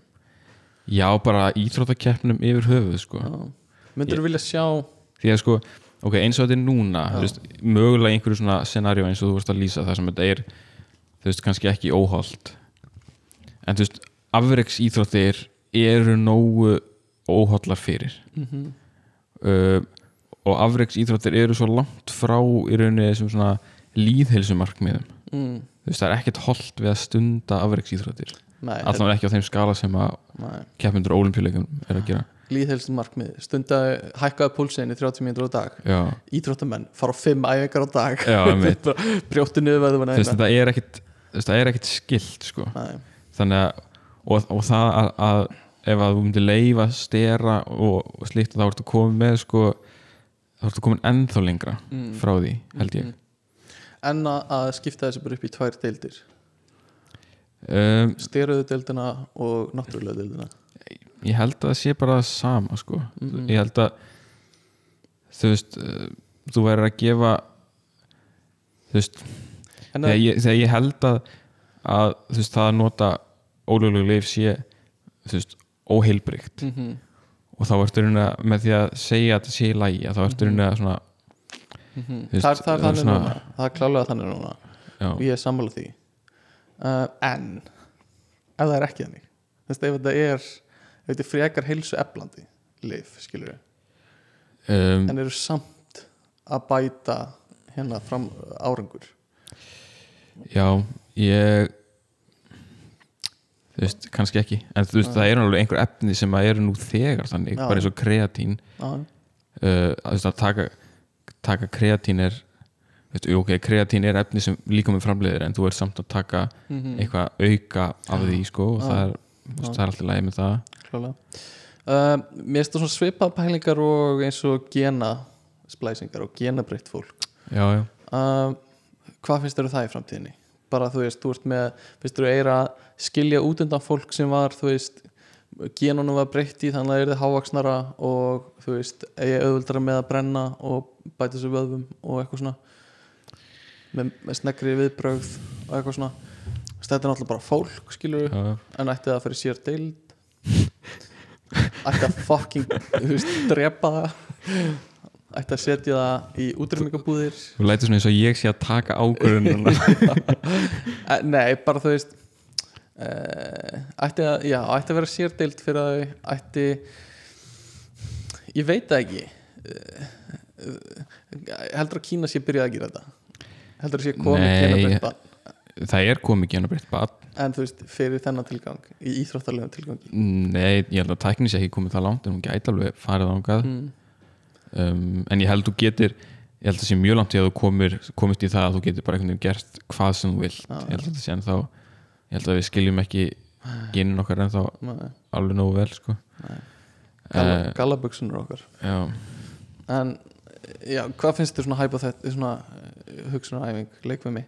Ég veit ekki. Þetta er væri ekki bara sniðut að hafa fjórar deildir? Nei, jú fjó- fjóra deildir. Alveg hreinir, já, genabreyttir á styrum. Gena Genabreyttir breytir hreinir. venjulegur á styrum. Það væri Jú. ekki bara snið það væri mjög, mjög sníður mjög sniðugt ok. Um, en bara hversu fokking hratt heldur einhver getur hlaupið eða langt hversu einhver getur stokkið ef hann er genabreyttur á bullandi testosteróni og anabóliskum styrum? Hvað, þú veist, erum við ekki bara að fara að sjá einhvern svona geimfara bara stökk út í geim jú, 100 metra metri verður komið nálega 60 metra Já.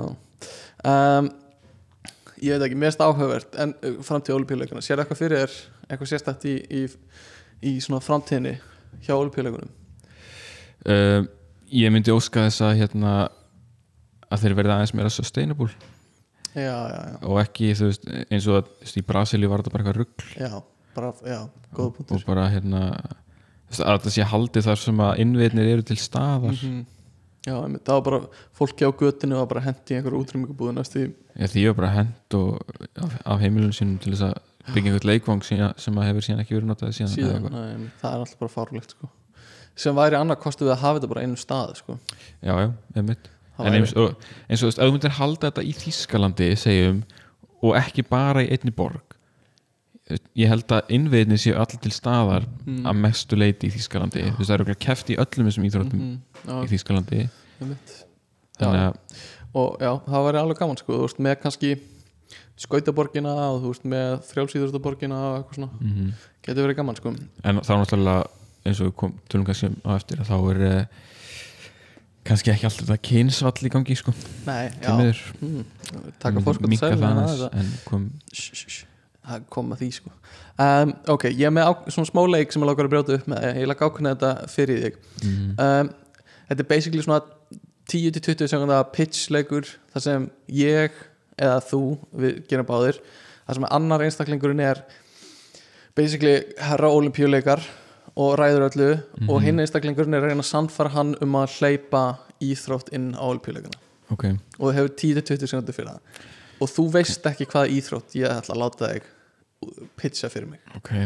Þannig ég ætla að segja núna eitthvað við þig eins og bara hérna brjóta saman þvott eða eitthvað og þú ætla að reyna að færa rauk fyrir því af hverju það ætti að vera olíuleikunum. Ok, uh, ok, og það sem ég ætla að uh, la, uh, láta þig færa rauk fyrir er hársnýrting ok uh,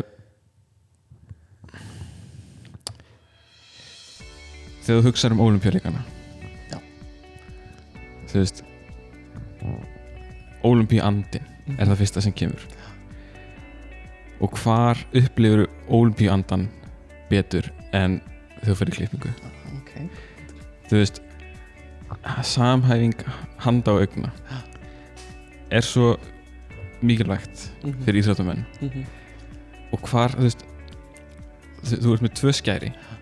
Þú veist, ef þú ert orðin mjög góður þá ertu komið tvö skæri, jafnvel þ- þrjú Já, skæri sko. Mhm, já, ég sé það, ég get og þú veist, kannski eina greiðu í einhverjum það, það einni hendin líka sko.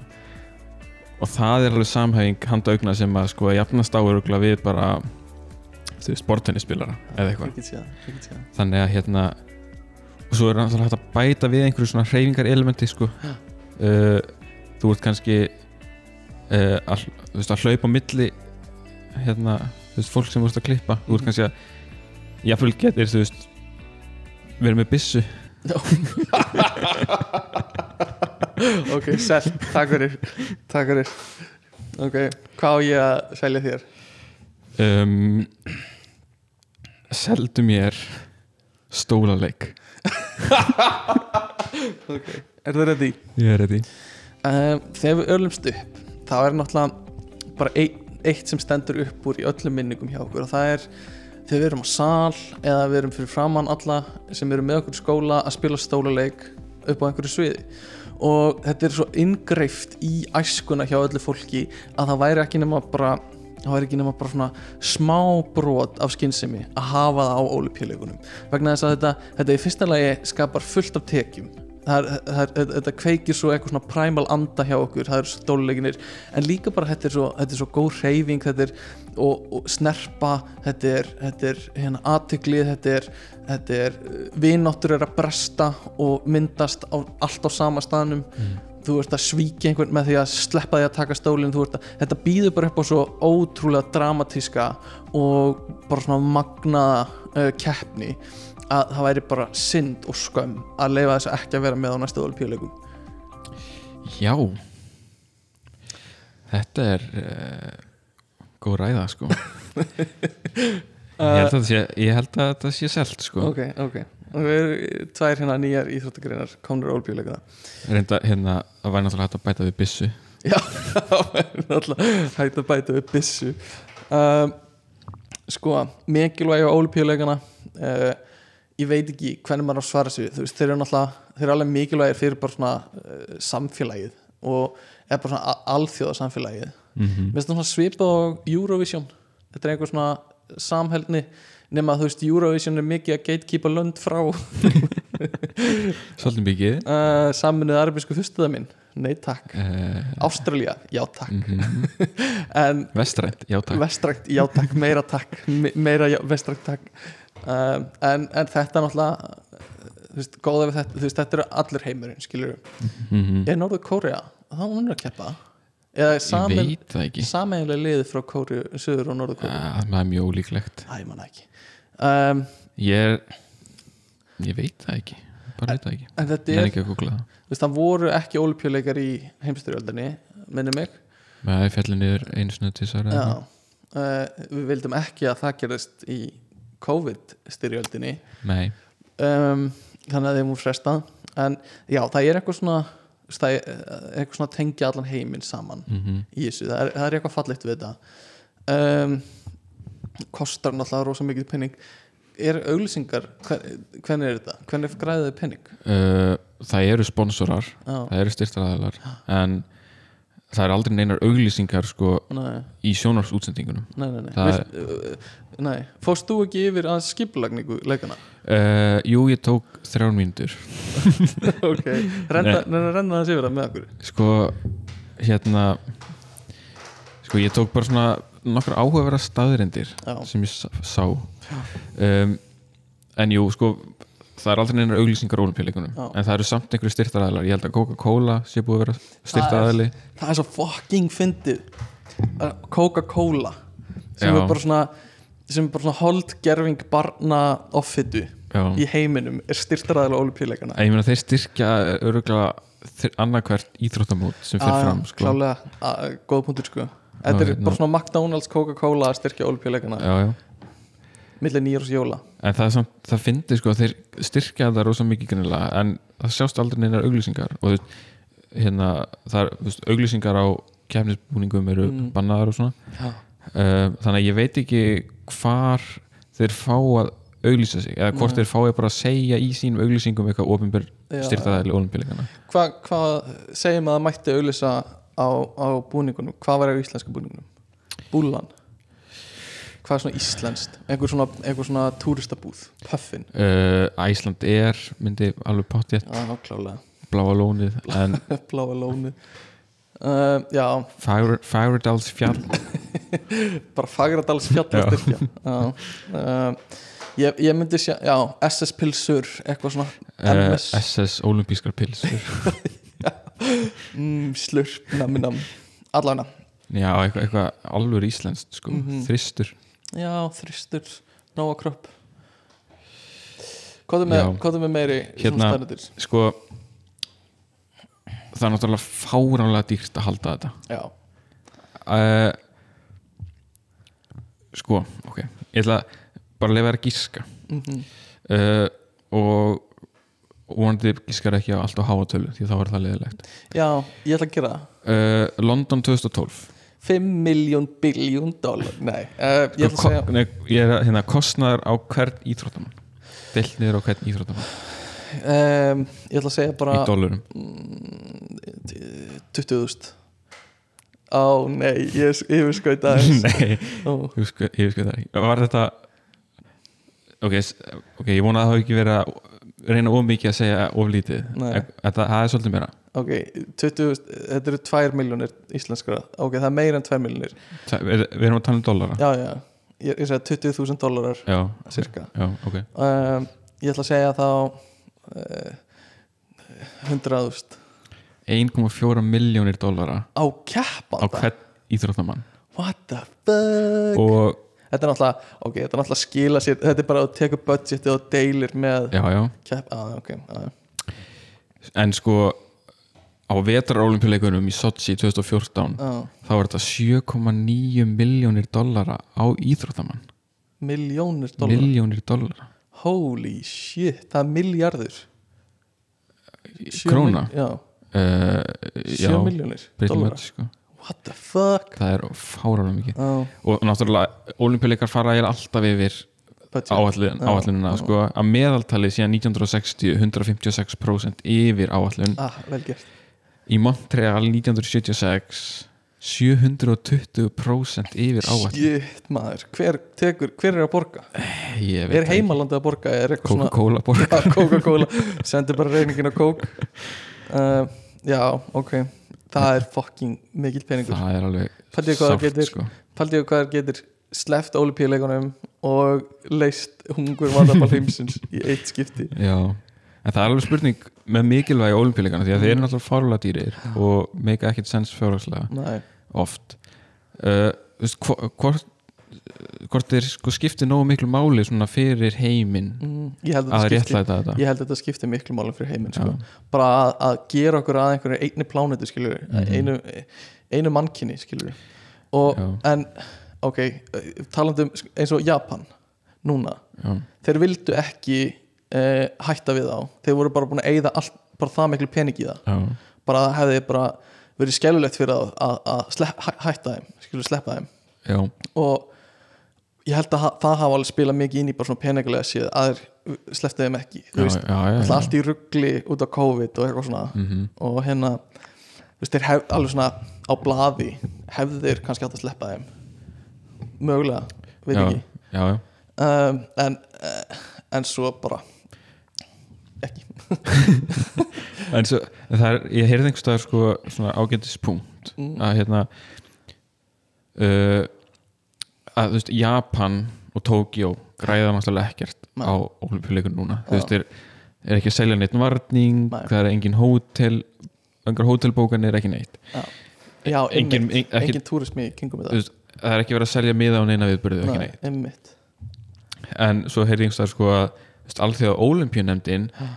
Hún er ekkert að koma endilega út í einhverju miklu mínus því að hún fær ennþá að selja sjónarsréttin til allra sem að vilja kaupa. Já, þannig að það er svolítið fyndið að þú veist svo sem er að halda mm, leikana núna er bara í byllandi tapi á meðan að olimpíunemdin er bara kaching sko. Einmitt. Uh, hérna, Ertu já. með meira? sko við náttúrulega rættum aðeins bara svona áhrifin á samfélagi sko það sem þetta er haldið. Uh, sérstaklega kannski ábyrjandi þarna eins og í Ríó. og örgla hefur oft verið sko, bara vera að byggja upp einhver innviði sem eru síðan ekki nýttir eða veist, er ekki uh, þú veist ekki haldið við eða eitthvað slíkt Nei, sko. og íþróttamannverki sem að veist, aldrei notuð áttur Nei, og, og eru svo bara eins og standa bara tóm sko. Já, já, klálega og, og ég, ég fór að hugsa sko ég fór að ímynda mér svona samtal. Já, ef einhverju myndi detta þetta í hug já, bara í fyrsta skipti núna að halda einmitt. Bara svona segir einhver hérna þú veist já ég var að fá svolítið sniðuða hugmynd sko. bara hérna akkur höldum við ekki heimsmeistaramót í bara öllum helstu greinunum á sama tíma? Á sama tíma. Og það er bara, og hérna bara já það er næs hugmynd. Og það er bara, hvað, sex íþróttagreina eða eitthvað, Já, nei nei, 30 eða fleiri jafnvel. Og hátt hérna, í 60 greinar sem er keft í Jafnvel. Og hérna, já. Og svo og svo hérna, já ok, og byrju, hvað er það að rekna með mörgum þáttökum? 11.000 Ok, já ok, meikar sens Make og, og þjálfarar og farastjórar og allir þessir bara hérna, já já ok, þetta er svona þetta er þá bara haldið, bara svona um allan heim bara svona þannig. Nei nei, allt á sama staðinu alltaf einni borg. Já ok, sama landinu, nei sem er borgin. Það er alltaf bara galin hugmynd sko. og svona, svona já ok, er það ekki svona svolítið djart svona, kannski að velja borgir sem eru með innviðina til staðar? Mm. nei nei, byggja allt frá grunni hvert skipt og svona og, og hérna já já ok, þetta er kannski það bara þetta er bara haldið yfir bara, þú veist heilt ár eða heilt, bara heilt sumar kannski. Nei, tvær vikur. Bara hverju þetta hverju finnst þetta að vera sniðu Það er náttúrulega galin hugmynd sko. Já, það er mjög fyndið pæling. Nei, nei Tvær vikur. Já, þetta, þetta væri Já, þetta var náttúrulega galin hugmynd í dag. En, en allir samt bara Já, við verðum að gera já, þetta. já. Þetta verður að vera. Um, Varstu með meiri í þessu eða?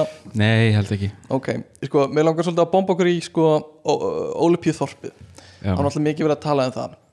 Olympiu þorpið er bara basically það sem allir keppendur eh, gista saman. Bara í einhverju svona, ég veit ekki hvað er hótel eða einhverju svona litli kofar eða eitthvað bla. Um, og, og það eru náttúrulega bara sögur þaðan sem eru eh, oft mikið kynlíf. Mhm, að það bara það er bara, það er allir að ríða öllum hana. Mhm. Og hérna, ég meina Tókjó núna tók bara á sig að að hafa rúmin þannig að þú átti ekki að geta verið með fle- marga í rúmin annars brotnar það, þú veist, þeir eru með rúm úr sko pappakössum, já, botnir er pappi. Mhm. Og hérna og eitthvað svona dínunar líka bara mjög basic og eitthvað svona bara til þess að stemma stigu við það að allir eru að ríða í Olympiuþorpinu já, og líka kannski til þess að hafa það ódýrt, já, og, og umhverfisvænt og já eitthvað. það getur verið. En, en hérna það, það voru fyrir Olympiuleikunum 2008 eitthvað svo ég man ekki þá voru, þú veist, það eru smokkar alltaf mhm, til, í bóði í Olympiuþorpinu mhm, að því fólk vil náttúrulega ekki að kynnsjúkdómar og eitthvað svona mhm. sé í gangi hana þannig að það er náttúrulega bara nei, svo kemur bara í ljós, það er ekki nóg. Við, við þurfum að panta 70.000 við, þeir þurfum að panta auka 20.000 smokka fyrir Olympiu það, þorpið það er eitthvað þú veist, ég veit ekki, við hefum 10.000 keppindur ok, svo er náttúrulega allir sem eru með. Já. en ef það er 10.000 keppindur þá er þetta 7 smokkar á keppanda. Er alveg, og, og ég meina þeir eru að sofa hjá hver öðrum sem, þú veist, þeir eru ekki bara að nota smokkana einir.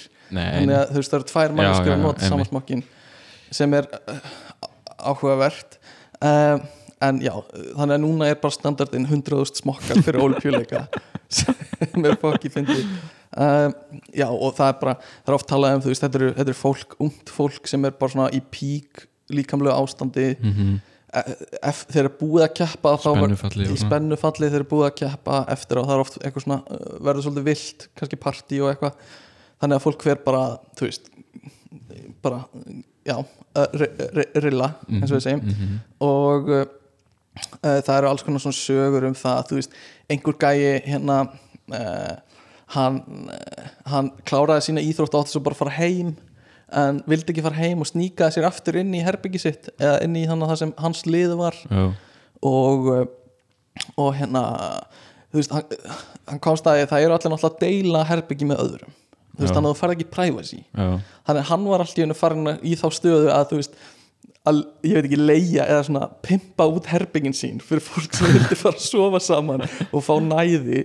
Þannig að hann var bara að byrja að taka við pöntinu bara má ég fá herbyggi þarna, bara til að fólk þurfti ekki að sofa hérna við hliðin á, á herbyggisfélaginu sínum.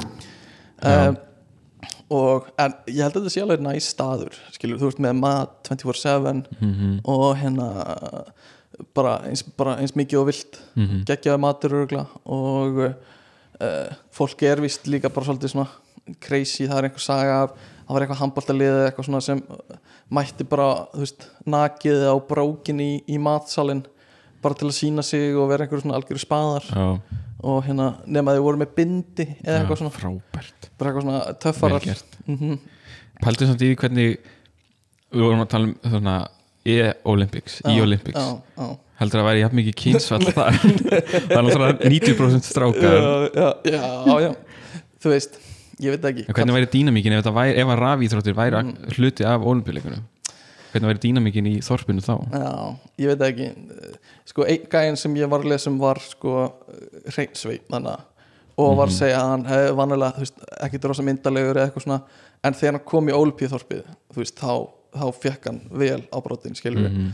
þannig að ég get alveg sé fyrir mér að það er svona ok, ég ætla ekki að segja e, íþróttamenn sé eitthvað einhverju svona bara reynir sveinar sem eru með bólur og eitthvað svona, alls ekki þannig.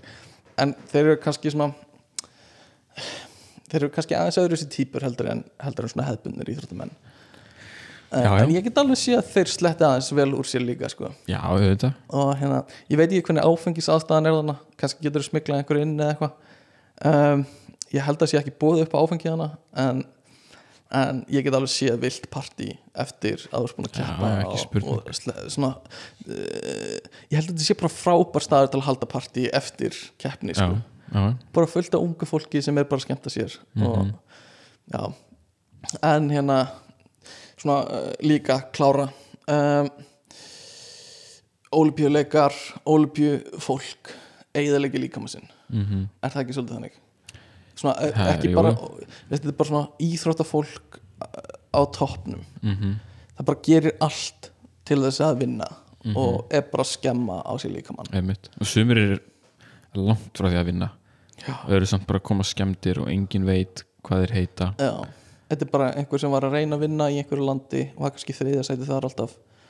En er samt bara með ónýtan líkama. Mm mm mælum með bíómynd sem heitir uh, Medaljans Prís Sænsk. Sænsk uh, The Price of Gold heitir eða hún það sko sem fjallar um frálsýðurata fólk í Svíþjóð. Mhm. þar var einhvern tímapunkti þá var bara ríkistjórnin eða eitthvað ekki ána með hvað svíjar voru fá fáverlun á olimpíuleikunum Mhm. og settu bara mikla peninga í afreikstjálfun Já. og og það hérna, alveg skilaði sér sko en margir íþróttamenn sem koma bara eru niður stór skattaðir út úr þessu. Mm og, og, og bara þú veist koma líka inn í bara heiminn og kannski voru ekki að menta sig og eitthvað svona Mhm. og eru bara þú veist, tilenga bara líf sitt einhverju einu. Mm og svo kemur út úr í að líka með hennar ónýtur þú ert, þú veist, ekki kannski búin að vinna einhver gullvelun, heldur bara svona meðal íþróttamæður átt ekki, þú veist, sjans á að fara í uh, einhverju auglýsinga, sponsorship og Mhm. þú ert ekki sjans á að fara í kommentarið eftir að fyrirlegin er búin og eitthvað Nei. svona og líka sko uh, þú veist fyrir þú veist þú ert, þú ert með þessar manneskjur mm, sem eru bara að vinna í því já, að vera bestar í heiminum Já. í einhver ákveðinu, þú bara velur eitthvað og nú ætla ég bara að verða bestur í heiminum. Mhm, þú bara uh, bara tilenga líf þitt. Já. Þú veist, þú, það, það er einhvern veginn engin, eða fáar aðra greinar einhvern veginn, þar sem, að, mhm, þar sem það er bara markmiðið. Þú veist eins og, ég, ég fer ekki og fæ vinnu hjá Eblu og ætla bara að vera besti Já. efnaverkræðingur í mitt og svo þú veist, kannski þeir sem ná því þú veist, þeir eru orðinir 30 ára mhm, ferillin búinn Já. og þeir eru búinir að toppa í lífinu Já, bara mitt margir, þú veist, það er örugglega andlega svolítið erfitt þegar þú Mhm. þú veist, klára ferillin Já. og þú veist bara ok, þú veist þú veist, ég er bara búin að toppa í lífinu Mhm. Og hvar endar þetta fólk, skilur, það er örugglega fullt af einhverjum gullvelinu höfum sem eru svo bara að vinna á einhverju verkstæði og eitthvað og engin veit að það vann já, já, örugglega búin að selja medalínu sína fyrir pening og getur verið sko.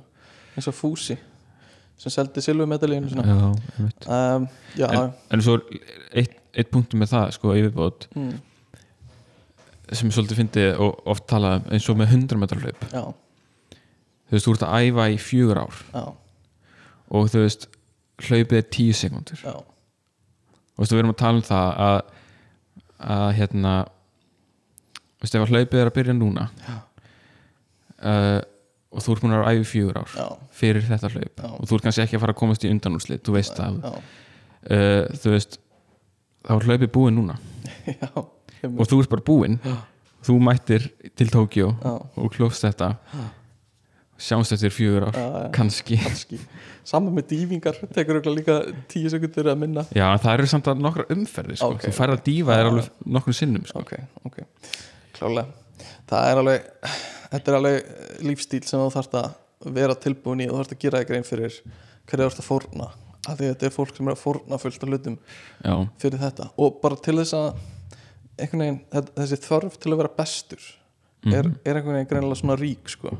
og ég held að það tengist líka uppeldi. Maður hefur séð fullt einhver svona heimildamöndum eða bíomöndum um foreldra sem eru bara, ætlar að hætta núna. Ertu já. Nei, ég ætla að fara, halda áfram að skýða og heldur áfram að skýða í, þú veist, Mm fimm tíma eða eitthvað. Þannig að, já, þetta er, þetta er mikið, mikið sem er lagt á fólk sko. Uh, Mér langaði að tala aðeins um sko, olpíuleika fallara Mhm. En ég veit bara rosa lítið um þá sko. Þannig að ég get ekkert mikið tjáð með það en, en hérna uh, þeir, er, þeir, þeir eru haldnir áður en tíma samt. Nei, þeir eru oftast haldnir bara strax á eftir olimpíuleikunum Já, bara um leið að eftir. olimpíuleikunum eru búinir þá bara hérna olimpíuleika fallara strax á, aftur á sko. sama stað. Já, já, bara nota olimpíuþorpið og allt rastli sko. Og, og það er náttúrulega mér er svolítið áhugavert hvernig það er skipt upp sko, því þú getur verið með svo mismöndi fallanir já, það í fullt af flokkum já, kefti fullt af flokkum sko. og, og hérna þau náttúrulega, þau fá ekki næstu mikla aðtegli bara ekki nálægt í sko. nei, sem er á- ákveðin synd sko, af því þau eru ofta komast í gegnum líka bara miklu erfiðari aðstæður sko. já, já, Get, getur alveg verið sko. en það er svona, það er synd en á sama tíma kannski skiljanlegt Já. þú veist uh, mm en hérna samt, samt leiðilegt að fá ekki sko, svona -hmm. uh, já, aðteglina sem kannski Einmitt. og þú veist eins og Íslendingar hafa verið miklu sterkari olimpíuleikum fallara heldur en klálega eigum þú veist, fullt af velun og höfum þar sko. Mhm, klálega og þetta er, mér sem ég fyndi hérna í sundinu þegar þeir eru blindir að synda. Og eru með já, fá já, alltaf bonk í hausinn þegar þeir eru komin á bakkan þá þjálfari með eitthvað prík og svona bonkar í þá. Og hérna já, svo verð ég að fylgjast með crossfit líka svona fallara eh, crossfit keppnir hjá þeim og þá var líka skipt í flokka veist, það bara þú- bíddu, er það að tala um ólimpíska ringþjálfun já, ólifíska ringþjálfun það sem hérna, þú veist, þá, þá var það alveg skipt bara, þú veist, eða, vantar það einn fót, eða vantar það þig, þú veist, báðafætina eða vantar það þig hægri hendina eða eitthvað svona, Mhm. og bara skipt upp í fullt af þannig flokkum, sko. Og hérna, það er mjög áhugavert að sjá það, sko, Mhm. og oft reynt að keppa þú veist, hlið við hlið með öðru fólki en einhvern veginn búið að aðlaga að þannig að ég að klára svipaðum tíma eða svipað erfitt. Já, reynt að balansera það já, sem ég held að sé þú veist, það er alltaf erfitt skilur að, að hérna segja ok, þú gerir uh, upphífingar á meðan þú gerir squats eða eitthvað skilur Mhm, mhm, og reyna að láta það balansa sko. Af því það er ekki klá, sama æfingin sko. Ég veit ekki hvernig er best að díla við það en uh, bara lúkaði vel sko Já. og spennandi. Ég hef alveg séð sko hérna uh, þú veist eins og hérna þú veist hjólastóla kapplöp mm eða kappakstur það væntarlega kannski. Já, og það er oft bara æsi spennandi og hérna mm mjög, mjög gaman að horfa á það sko. Já, það er það sko. Þetta er líka svona, þetta er eiginlega nýjar íþróttir sko sem að er, þú veist sem er ekki á venjulegu olpilingum eins og veist, þetta á kannski vera skilt og 100 metrar hlaup en þetta er í hjólastól og já, það er bara ný íþrótt sem er mjög spennandi sko. það er alltaf öðru í sér taktik í þú veist, Mhm. Ég veit ekki 1500 metra hjólastóla kappakstri heldur en 1500 metra hlaupi einmitt, einmitt. og það er svona Já. Já.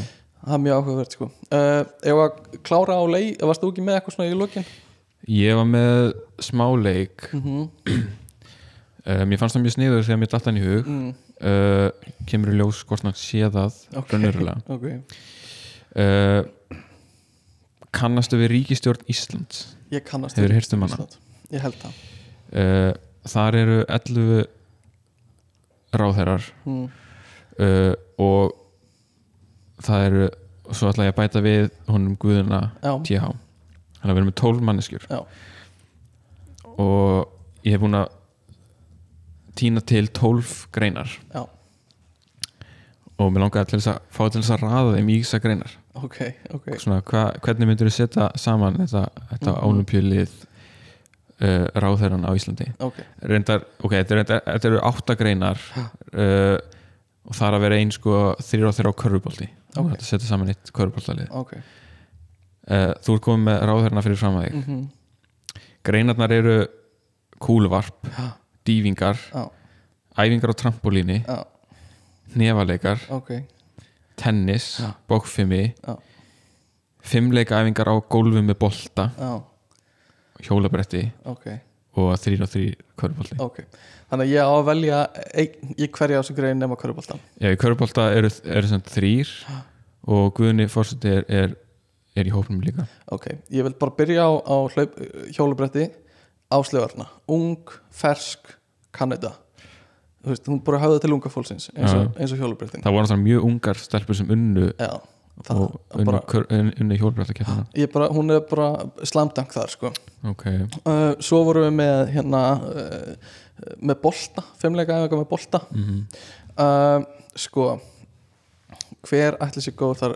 Sko, uh, sko Svandís er náttúrulega búin að vera að jögla svolítið COVID-boltanum helviti vel núna undarfærið og ég nokkuð, hún er svona líka lipur skilur lipur í, í viðtölunum svona, Mhm. kann að svona, nar, svona navigita það, þannig ég myndi segja að hún verið sterk í, í boltaæfingunum sko. ok, ok, ok. Um, hvað varstu með meira þannig Uh, við erum með kúluvarpið. Kúluvarpið, við þurfum einhvern, einhvern har, grjótharðan í það. Og það er bara, það er eitt sem kemur til greina. Það er Sigurður Ingi. Hann, hann, það, hann bara neglir kúl þetta er framsóknarmaður, nei miðflokksmaður. Nei, nei framsóknarmaður. þetta er, þetta er veist, þetta- hann þarf líka bara einhverja einfalda íþrótt hann er líka að, ég veit ekki jú, ég ætla bara að segja hann er svona kúlvarpslega vaksin já, sko já, já, og hann er líka, þú veist, hann þarf bara eitthvað einfalt, það er bara að henda langt bara, Mhm. Sigurður Ingi kasta og hann, já, kasta og hann bara kastar, skilur mjög áhugaverð sko, skoðan sem þú hefur sigur ynga ég held að ég væri til í að fá mér bjór með Sigurður Ingi, ég held að það sé skemmtilegu sko. en Já. ég held að hann sé líka upplugur kastari, sko. já, já, já, já. um, ok, hvað vorum við við meira? erum með dýfingar Ó, það er Katajak, þetta er ekki flóki Katajak, lipur hún, þú veist, efst á pallinum, hún er tíu metra hæð. Já, það er erfitt að stökkva niður tíu metra. Já, Þú veist, en, en Katajak, hún stökk í ríkistjórnarsamband með sjálfstæðisflokknum og framsóknarflokknum. Þú veist, hún hikar ekki. Hún stökk þangað. Já, hún getur stokkið á palli á þess að hika. Hún er lipur, hún getur farið í alls konar heljastökk og æfingar, skilur hún er ekki að ná sínum hérna, kostningar hérna, áherslum fram en hún er lipur og er að gera alls konar heljastökk, skilur hún er góð þannig ef þetta væri samhæða dýfingar væri hún og Bjarni Ben gott teimi Þau, já, þessi betur fyrir ekki samhæða tímingar ok, hvað er um meira? æfingar á trampolíni. Mm, mm, e, já, Ásmundur Einar félags- og barnamálur á þeirra minnst eitthvað svona, þú veist, hann, hann er örgulega bara í vinnunni oft með börnum á trampolíni eitthvað svona að leika. Hann náttúrulega setur upp æslabelgina. Æslabelgina Já. sjálfur. Hann kemur með svona hjólapumpu og byrjar að pumpa í alla æslabelgina. Þessi maður kann á trampolín þessi maður kann á að hoppa og skoppa með krökkum. Mhm. þú veist, hann er barnamálar á þeirra hann er bara dunk þannig sko. Hvað er um meira nefaleikar hef- það er surprise á þessa sko. Til, já, já. þú ert ekki, já, þetta er Guðni. Sorry. Guðni í er Guðni. Þetta er Guðni. Hefur þú séð handarhreifingarinn í, við, í viðtölunum? uh, nei. Hann er alltaf með sko, þú veist, svona áherslunum hans í handarhreifingunum er á réttum stað. Uh, þú veist, hann er svona langur mjór. Hann er, þú veist, lang, langar hendur. Þetta er, þetta er sko hefur þið samt séð hvað hva hvað Guðni er hægur já, en vandaðar hreyfingar. Já, en þú þarft ekki snerpuna. Jú, þú þarft snerpu í nefalekum, ég get staðfest Ef þú ert með hægar reyfingar í Já, nefalekum þá en- færðu nefa í segja þetta er alveg svona smá veist, þetta er óvænt skilur en ég er bara að segja hann, hann myndi plumma sér vel í nefnileikum Ok, hann er líka með svo mikið uppsafnari svona reyði og orku sem hann Já, þarf að já. pressa niður. Skilur þú sér hann aldrei þú þú sér hann aldrei hækka rómin nema hann í einu, einum kappræðum við hérna fyrir kostningarnar eða eitthvað já þegar hann sagði hérna Ertu stoltur af framistöðu þinn í kvöld? já, Ertu þannig já, að- já. Þú, hann, þú, þú fegst að glitta svolítið í reyðina Heldur sem myndi segja þetta eftir hvert barða ertu stoltur með framistöðina einir og lítur niður á sko hérna uh, sá sem hann er búin að lemja niður sko og hrækir á hann sko. Horfi niður, ert þú stolt? Liggur rótaði í erðinni já, hann er, þetta er alveg bara bóka hann sko. Ok, hvað er um meira? Tennis, uh, sko, það er nú ekki margir eftir. nei það er ekki margir eftir. Sko, Þórdís Kolbrún ferða, yðnaðar og nýsköpunar á þeirra ég er ekki að setja inn á hanga bara því hún þarf að fara eitthvert sko. Nei, nei, er Augljóslega. augljóslega ekki það sem ég er að gera. Hún bara, þú veist, þetta er þetta er uh, manneskja sem ég veit á nógu pening. Hún al, ólst upp við bara þú veist, golf, tennis og hérna eh, þú veist, ve- veiða veiða hérna refi eitthvað svona ríkra fólks íþróttir. Mm, þannig að hérna veist, hún, hún á bara heima á tennisvellinum hún hefur alltaf átt heima þar. Hún er með tjald á tennisvellinum heima á sér þar sem hún sefur Já, ok, hún býr þar. Ég vissi það ekki sko. Með, með, með. Þannig að hún er tennis hún, hún átti að vera tennismálar á þeirra það er það sem hún það bað um. hún bað um það á fundinum þegar að vera að setja í nefndir. En Bjarni var eitthvað Þordís, það er engin tennismálar á þeirra á Íslandi. Þannig að hún er eitthvað, ok þú veist, ferðamála eða eitthvað. Hún Já, já. sagði bara, eða eitthvað, skilur Eitthvað mér er alls sama ef ég get ekki verið tennis.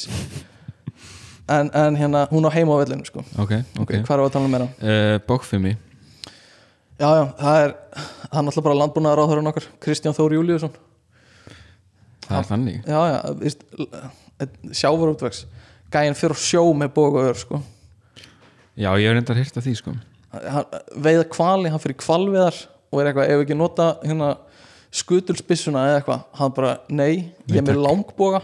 Já, það er reyndar rétt sko. Já, Reyndar rétt. Ok, þá hérna, þá er það bara körbáltaliðið eftir og mér sýnist það að vera Guðmundur Ingi uh, Lilja og uh, Guðlaugur Þór nei, hvað, já, en Bjarni Já, byrju, Bjarni, hvert fór hann? ég var að geima hann fyrir körfuna sko. Jú, ok, byrju, varstu hans og búin að Hávaxinn sko. byrju, við- Guðlaugur er eftir, Bjarni og Lil- Lilja er líka eftir og Guðmundur Ingi þannig að það er, við erum með skiptimenn í körfunni sko. En byrju, hvað hérna var ég ekki með Nei, það vantar eina grein hérna hvað greinu vantar?